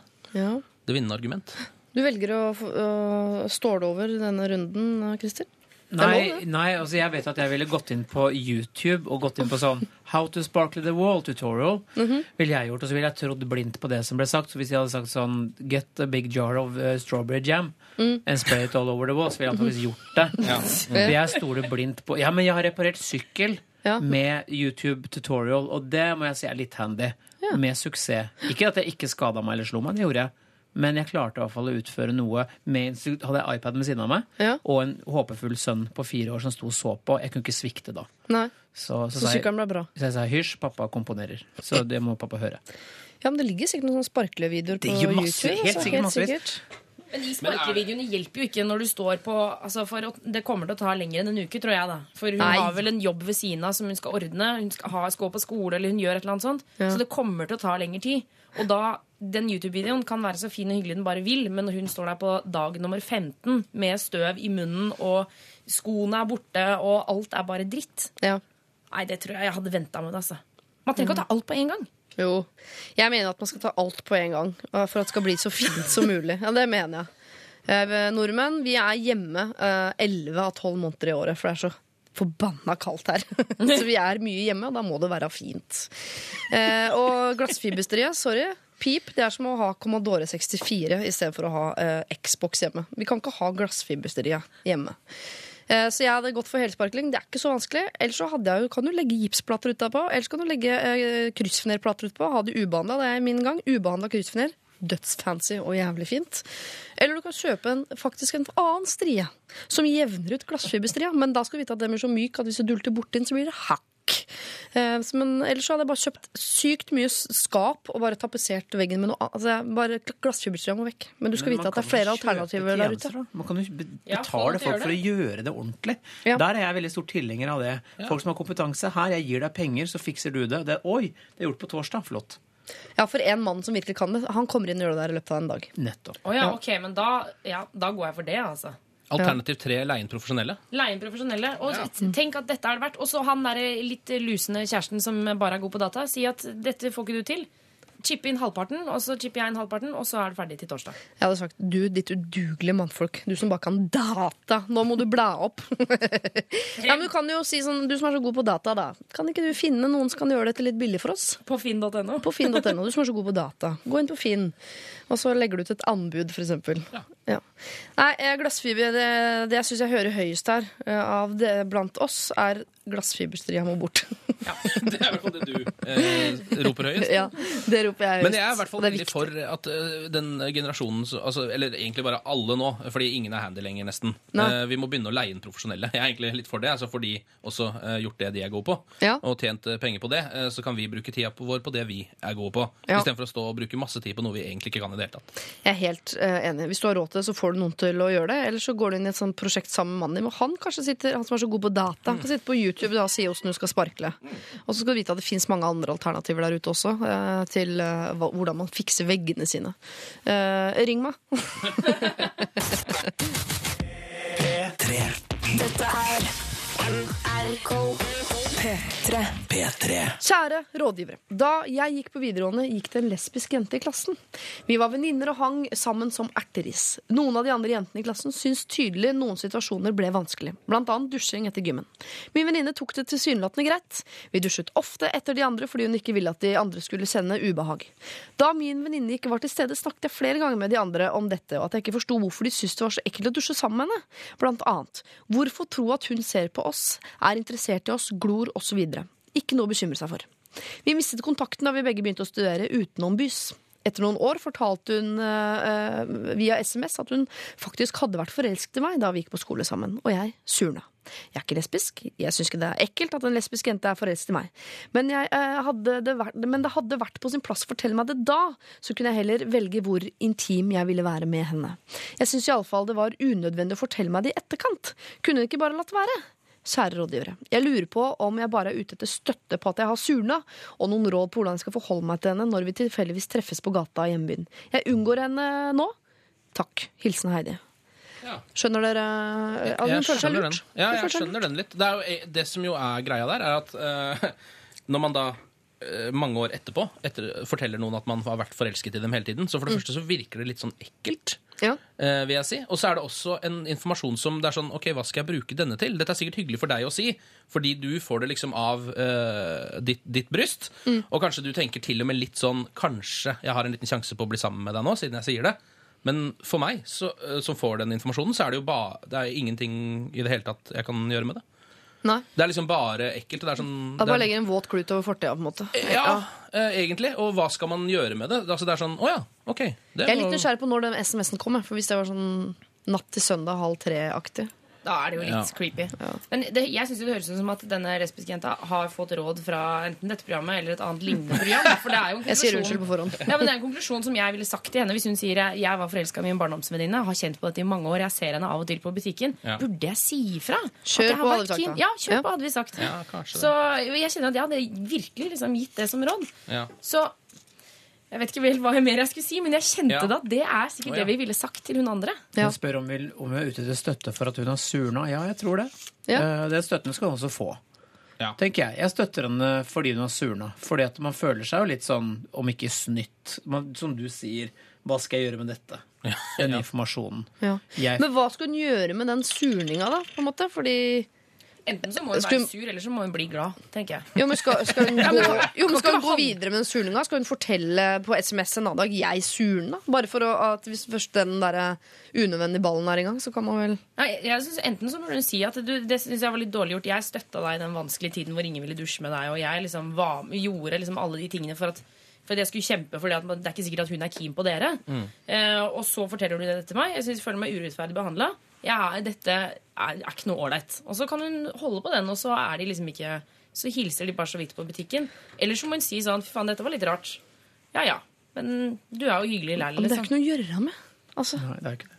Men det hun lurer på er, for de skal, eh, Hvis de treffer hverandre på gata, det er det hun lurer på. Hvordan skal, skal hun oppføre seg eh, Hvordan skal Heide oppføre seg rundt denne lesbiske barndomsvenninnen sin på gata? Har, det som har skjedd til nå, er at den SMS-en har kommet, og så har hun tatt kontakt tilbake, eller? Eh, Nei, Det står ikke noe Nei. om, men de har ikke men kontakt lenger. så sannsynligvis har de liksom litt sånn der eh, pinlig stillhet mellom seg, de nå.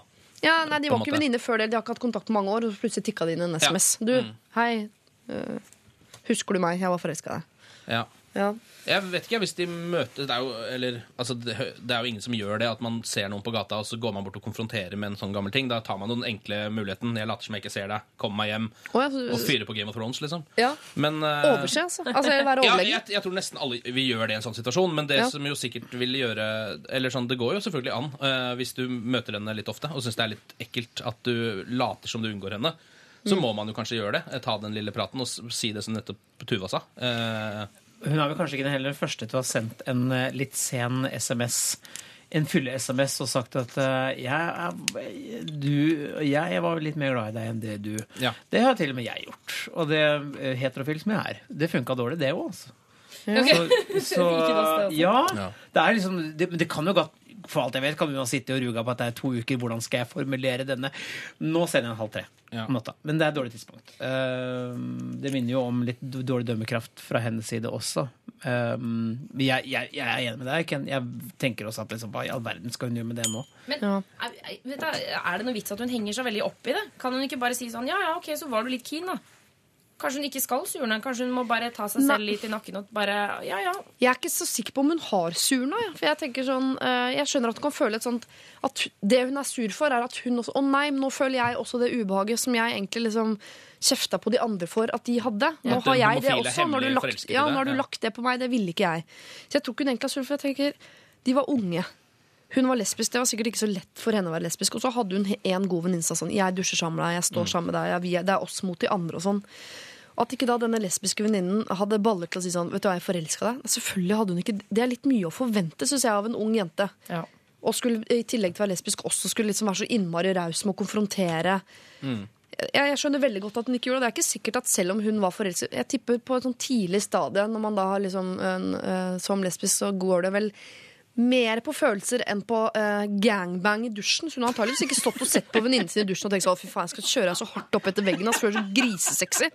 Hun har, ikke, hun har ikke stått og hatt møkkete tanker om venninnen sin i dusjen og har tenkt varme, gode Altså, jeg, jeg, jeg, jeg syns det er unødvendig å surne på at en usikker jente som har vært forelsket i deg, kan du ikke Ja. ta det som et kompliment? da? Ja, kan bare vær glad for det. Og når du treffer henne på gata, så tenk, gjør det samme som når en gutt har fortalt at han har forelska deg. Bare si sånn hei, hei, ja ja, går det fint? Kult, ok, ha det. Ja. For det er jo på en måte egentlig ikke så veldig annerledes. Hun elsker jo i sin egen mail Hun skriver sånn Det var jeg som sa fra til de andre. Hun koser seg med at hun var he- sånn. Fortsett med det, da. Og vær sånn. Hun ene som ikke syns dette er ubehagelig, og som står på barrikadene. For fader. Jeg bare tenker, Du er ikke surna, du bare føler deg litt lurt. Bli ferdig med det. Og så går du tilbake til å være hun Heidi som står naken med en lesbisk venninne i dusjen. Ja, Det hadde jo vært en drømmesituasjon. Jeg bare, eh, jeg, jeg, jeg, for jeg hadde også syntes det hadde vært litt rart, og det har ikke noe med eh, legning å gjøre, egentlig. Men hvis det hadde vært en jeg hadde hengt masse med eh, i mange år, eh, og så hadde jeg nå fått beskjed om at eh, jeg var forelsket i deg hele tiden, så er det et eller annet litt sånn eh, jeg, bare, jeg prøver å finne motivasjonen for at den meldinga har kommet. eh, Hvis du skjønner hva jeg mener. Hvorfor Ja. sier du dette til meg nå? Eh, Ja. er, vil, hva vil du at jeg skal gjøre med dette? Så vil du at jeg skal komme bort til deg og prate med deg om dette? Mm. Eh, vil du bare si det fordi at du føler deg bedre av det? For jeg føler meg verre av det. Skjønner du hva jeg mener? Det er et eller annet med at kunne ikke dette bare ikke vært sagt, selv om det jo høres jo dumt ut å legge tingene i skapet liksom, og la det ligge der inne, men eh, jeg, jeg f- Men hadde kan du skrive litt det? sånn- Å ja, det skulle jeg ønske jeg visste der og da, for da kan det hende at jeg Ja. hadde valgt annerledes Kan- i uh, Det syns jeg er liksom det eneste. Ja, hvorfor sa du det ikke? Men Ja. det, er, det, er ikke det en litt sånn teaser til å liksom Dette skulle du sagt før, kanskje jeg hadde valgt annerledes. Da kunne vi blitt sammen. Nei, da hadde jeg ikke dusja naken sammen med deg. For jeg, altså, jeg kjenner jo på følelsen, Du vet når det er en du tror du er kompis med, som plutselig er forelska, så blir hun sånn Å ja, så når du er hyggelig, så er du egentlig bare kåt-aktig. Så jævla ekkelt. Jeg, så jeg kjenner igjen følelsen, men må man ikke bare komme over. Det er jo bare hyggelig ment. Ja, jeg tror også det. Det er bare positivt ment. Ja. Og hun, føler, hun som har sendt meldingen, føler seg sikkert også litt teit, som har sagt det og gjort det. Og hun er, ja, er sikkert ikke så veldig høy på pæra. Nei. Så da jeg, bare la det gå. Altså, Ikke gjør så stor deal ut av det. Ja. Så eh, hun var ute etter godkjenning for surning. Altså Alle her skjønner at hun på en måte reagerer på en eller annen måte, men sånn åh, nei, eller uff, surning. En eller annen form for surning. Men jeg mener helt alvorlig at hun bare må komme over. oss. Ja. Ja, Bare gå videre. Er det er ikke noe vits å gå rundt og være sur. Når du treffer deg på butikken neste gang, hva skal hun si? Hei, eller? Eller er det, går du for overlegen fortsatt, Ken? Jeg kommer alltid til å gjøre det. Alltid, ja, ok. Du har muligheten til å se rett ned i bakken og late som du ikke har sett henne. Det er det folk flest driver med. Det er det sånne- iPhone er til nå. Bare ja, se på iPhonen din og gå forbi. Ja, ta en Nå merker jeg at jeg, nå er jeg han på fest som var enig med han ene først, og så blei jeg enig med hun andre, for hun sa noe mye lurere. Så nå er jeg enig med Siri. Jeg har uten meninger. Bare drit i det. Jo, men jeg mener at alt er riktig. Da. Du, selvfølgelig, du skal få lov til å Jo, du og du skal få lov til å se ned i bakken, men du kan også bare velge å være litt større på det. Vær hun Heidi du var på ungdomsskolen som sto naken i dusjen med en lesbisk jente i klassen. Og smil og vær blid. Og bare gå videre i livet, liksom. Helt enig. P3 Lørdagsrådet. på P3. Vi skal øh, hjelpe en av våre yngre øh, lyttere, altså øh, i startgropa av livet. 17 år. Eh, Dagens rådgivere er noe eldre. Jeg tipper, hvis jeg tar det i rekkefølge, så tipper jeg at Tuva, du er den yngste her i dag. Tuva Fellmann, du er vel ca. 29. Oi, 26. 32. Flaut for meg. Trodde du jeg var 32? Ja, kanskje faktisk. Ja. Du virker så 32-aktig. moden for Ja, det er det. ass. Gjør det, Så mye utdannelse og utretta masse og sånn. Ja, ok, sorry da. Eh, Ken Vasenius Nilsen, du er nestemann på lista, tror jeg. Men jeg tror ikke at du er eldre enn 32, så der skyter jeg meg selv i foten. For jeg tipper du kanskje er 30? Jeg er 33. ja, ok, ja.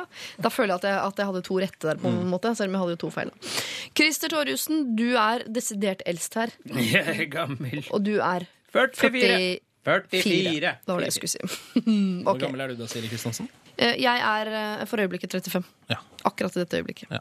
Eh, Vi skal hjelpe da en jente på 17 år. Hun skriver Jeg er 17 år og ble i lag med kjæresten min i desember. Vi har det veldig fint, men det irriterer meg at eksen hans driver og ringer han og sender meldinger og maser om at han skal kjøre henne hit og dit. De slo opp i november, men de har slått opp før for et år siden, men ble da sammen igjen. Til sammen var de, eh, har de vært kjærestepar i to år. På grunn av dette ser jeg helst at hun holder seg langt unna, men han vil være venn med henne. Jeg vet at han gjerne vil være med henne, men når hun ringer, sender melding til han, så finner han en unnskyldning for å ikke kjøre henne fordi han ikke vil. Kan han ikke bare si sannheten, at han ikke gidder? Jeg hadde ikke noe imot henne før jeg begynte å holde på med kjæresten min i slutten av november, men nå kan jeg ikke fordra henne. Hva skal jeg gjøre med dette? Dette er, altså Her er det mye følelser.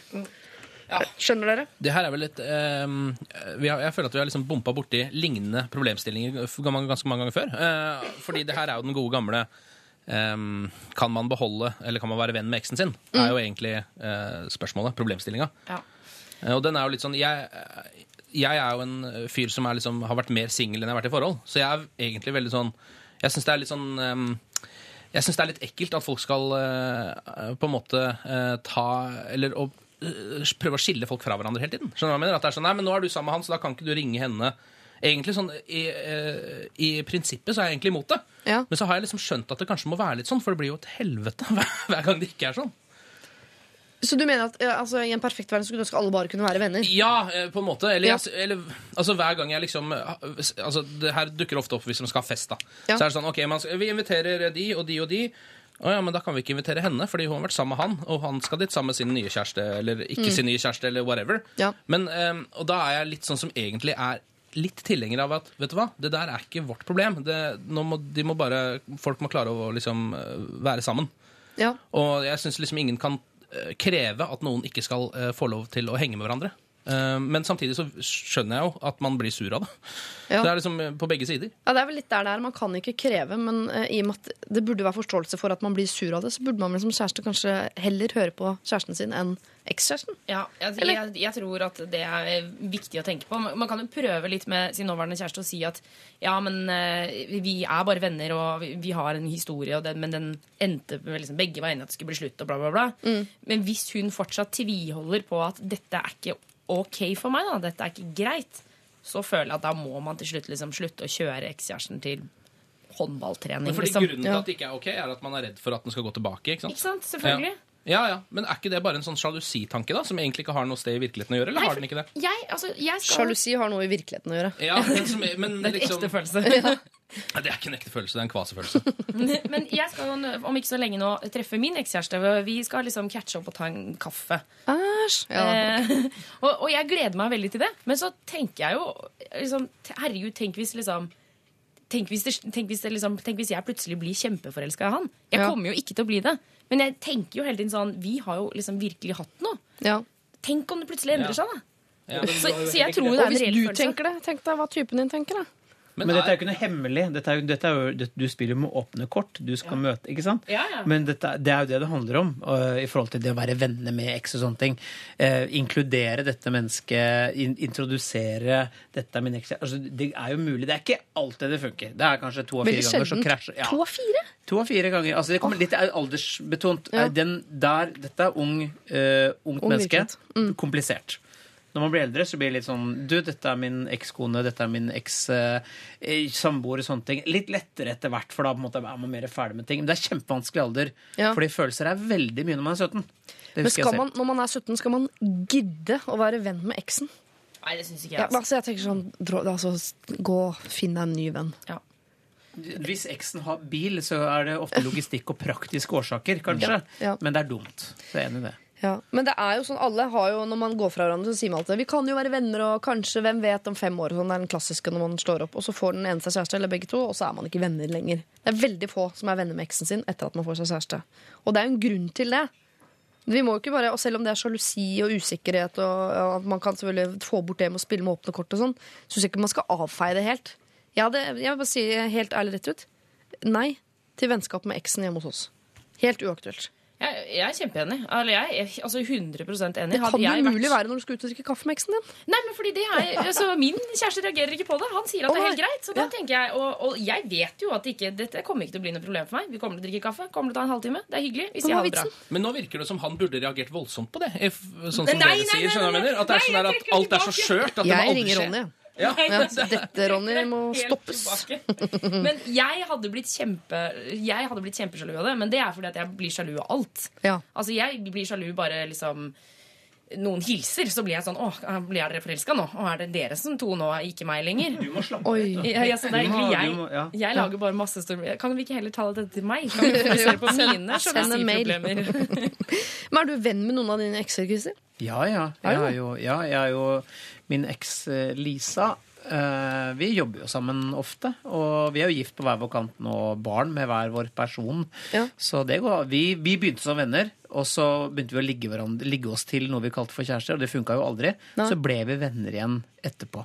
Så, men det er få oppskrifter. Det er sjelden den oppskriften funker. Men dere er tvunget til å fordi dere er i samme bransje. Så Nei, hadde hun vært entreprenør så- Nei, det som skjedde her, var at hun ringte meg for at hun skulle jo ha barn snart. Jeg hadde nettopp fått barn. Ja. Og jeg sa vet du hva, du kan ikke snakke med meg, du må snakke med noen med kompetanse. Jeg ga røret til min eh, daværende samboer, Mm. og så begynte de å prate. Så ble de litt sånn trillevenninner. Det var nesten litt sånn klisjé Ja. at eh, det kunne skje, men det kan skje. Ja. Men jeg tror det har litt med hvilken aldersgruppe man er i også.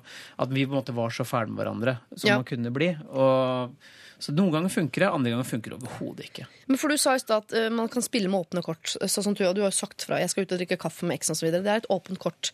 Men for meg er ikke det kortet åpent nok, fordi jeg er ikke til stede på den kaffen. Så selv om jeg er klar over at et sted der ute skal min kjæreste og eksen hans drikke kaffe sammen, men så lenge ikke jeg er til stede på den kaffeavtalen, så- så er det ikke noe åpent kort i mine øyne. Så kan Altså, at de sitter og kliner i sofaen. Liksom. Ja. Men, det er, men da på en måte tar jo din sjalusi over for et helt vennskap. Skjønner du hva jeg mener? Er det, liksom, er det greit? Eh, at en bare kan sitte og si du, du er jo sammen med meg nå, så jeg styrer din verden. Ja. Eh, ja, ok, ja, men jeg vet jo åssen lokføreren har det, men liksom eh, Jo, vet du hva, vet du hva? Til og med eh, kona mi har en homofil venn. Jeg, klarte, jeg ble litt sjalu på den en gang. Til og med selv om han er homo. Ja. Så ble jeg litt sånn Å ja.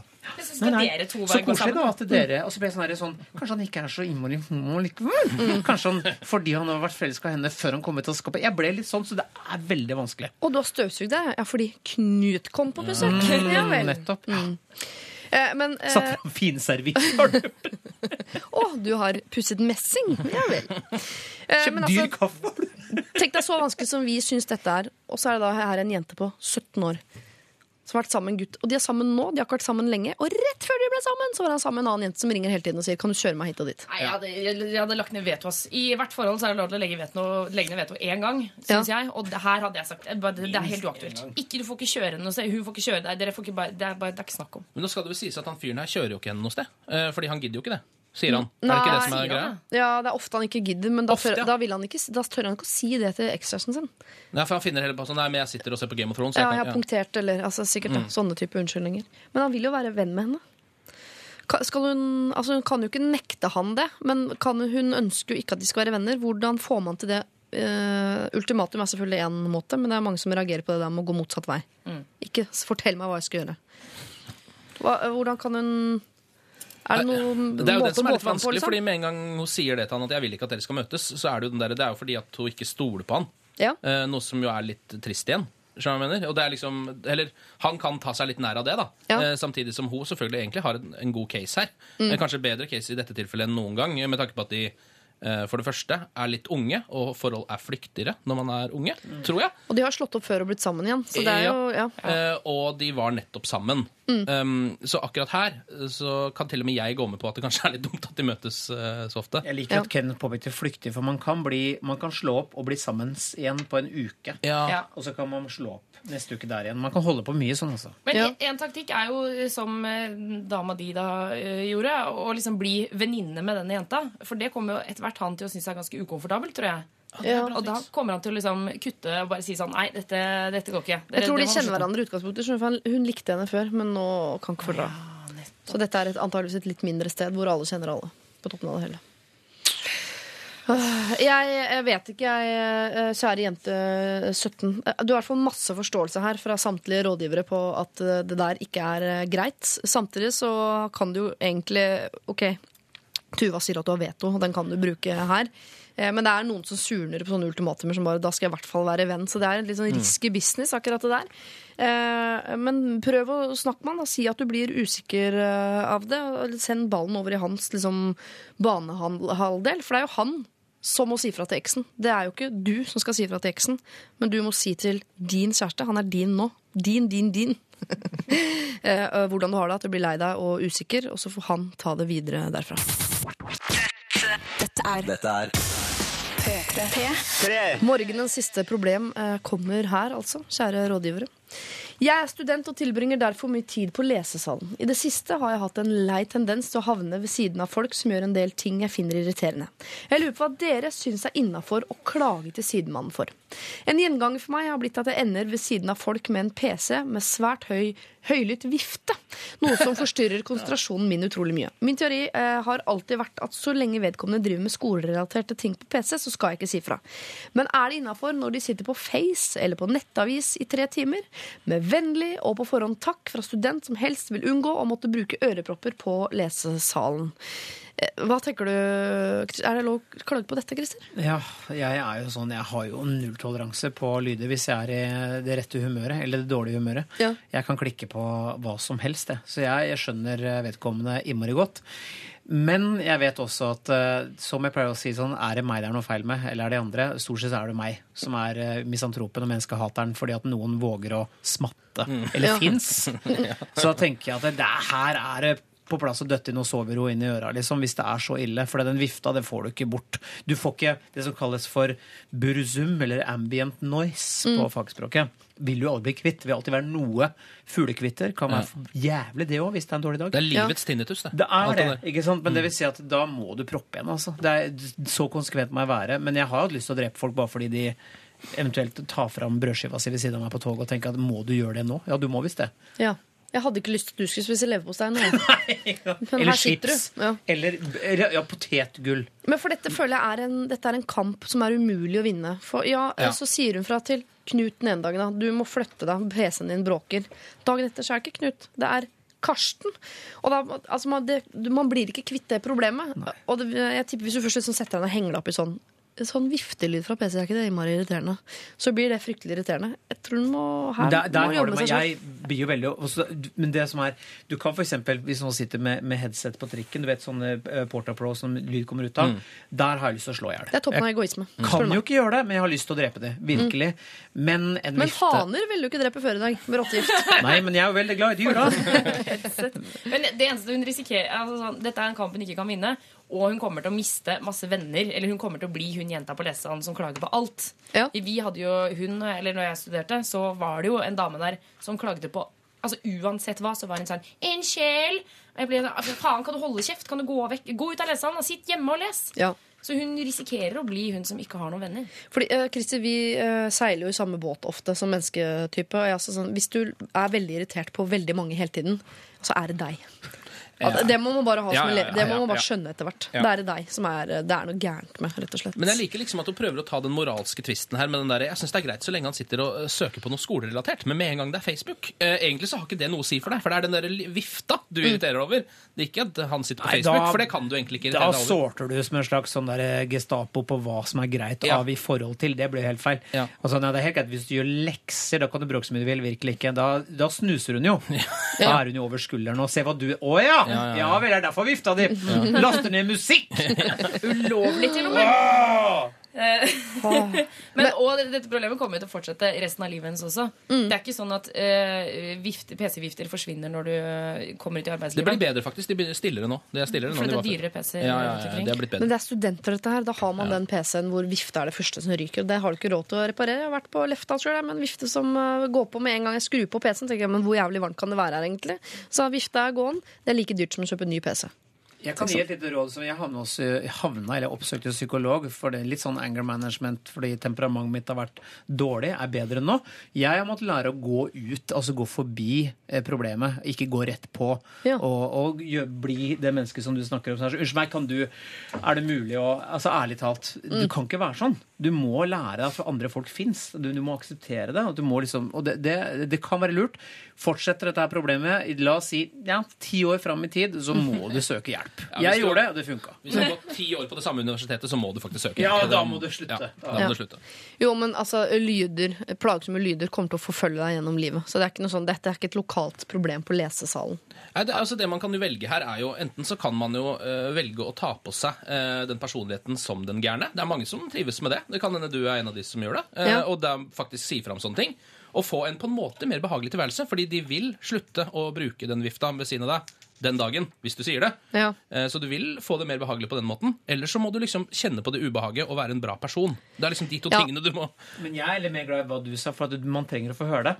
Noen som sier at du hva, kan, Jeg fikk jo beskjed om det. Kan du vær snill nå holde kjeften din, for nå sprer du bare negativitet. Du bare påpeker, du bare korrigerer. Du er bare sånn, du, du er, Det oser negativitet ut av deg. Hadde ikke vært for at folk rundt meg sa fra, så hadde ikke jeg engang, kanskje ikke skjønt det.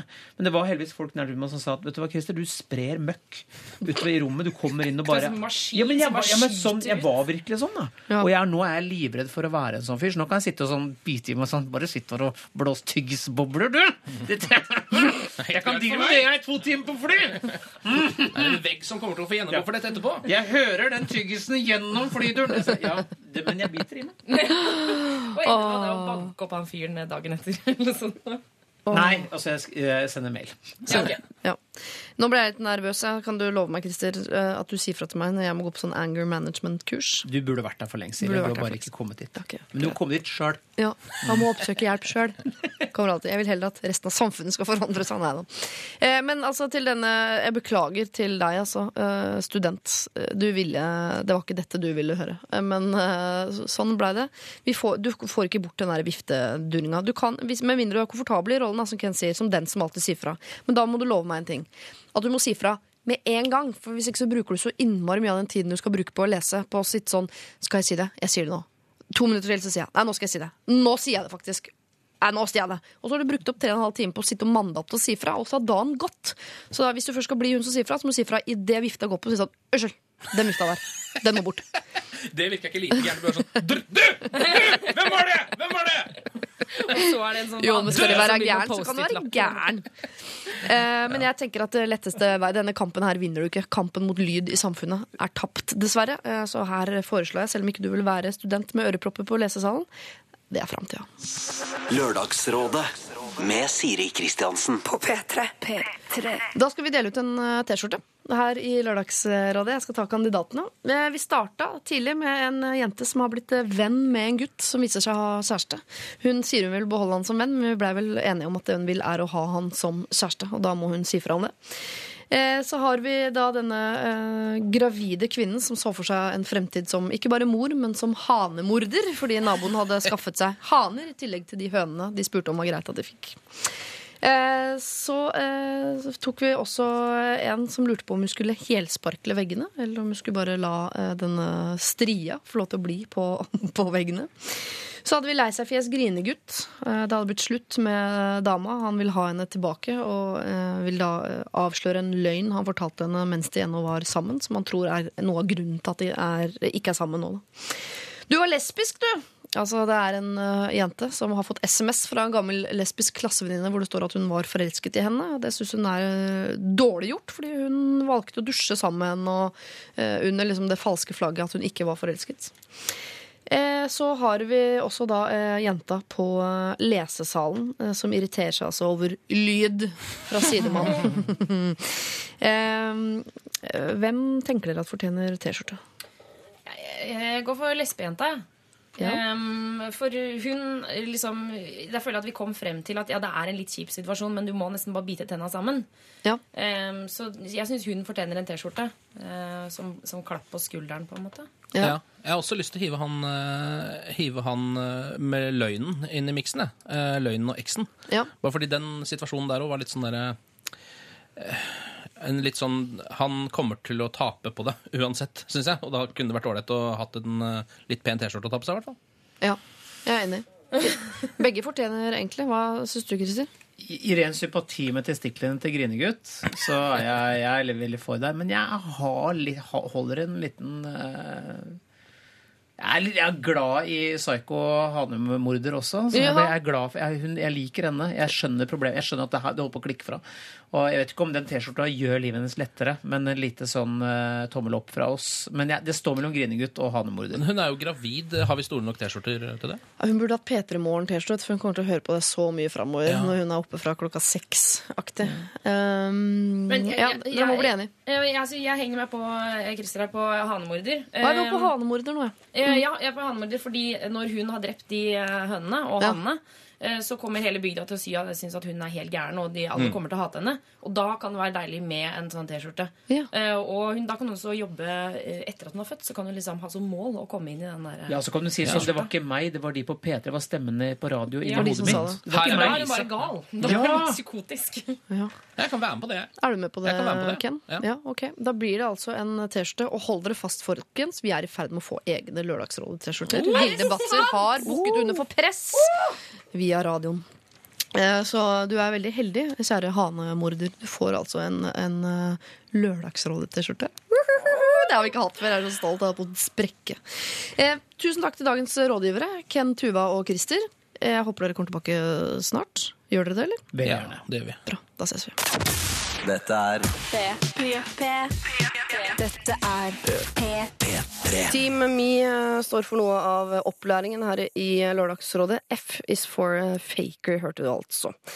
Vi er tilbake om en uke i Lørdagsrådet med nye problemer, nye rådgivere. Og eh, ny tekniker og produsent også. Uh, Dr. Jones, du er ikke her, men tusen takk for i dag. Det var jo alt som alltid trivelig. Du forlater meg og drar til Trondheim, Ja, ja. ja. og jeg er sint på deg, systemet, sjefen, Trondheim i sin helhet. og det meste. Dr. Jones, type. eh, Dr. Jones will be back. Absolutt. Hør på uh, Hallo P3 framover, hvor han vil dukke opp sammen med Tuva Fellmann.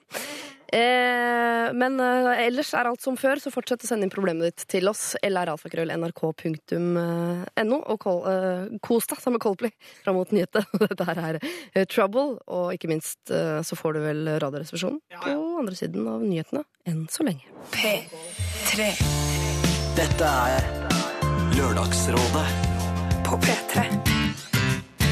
P3. Hør flere podkaster på nrk.no podkast.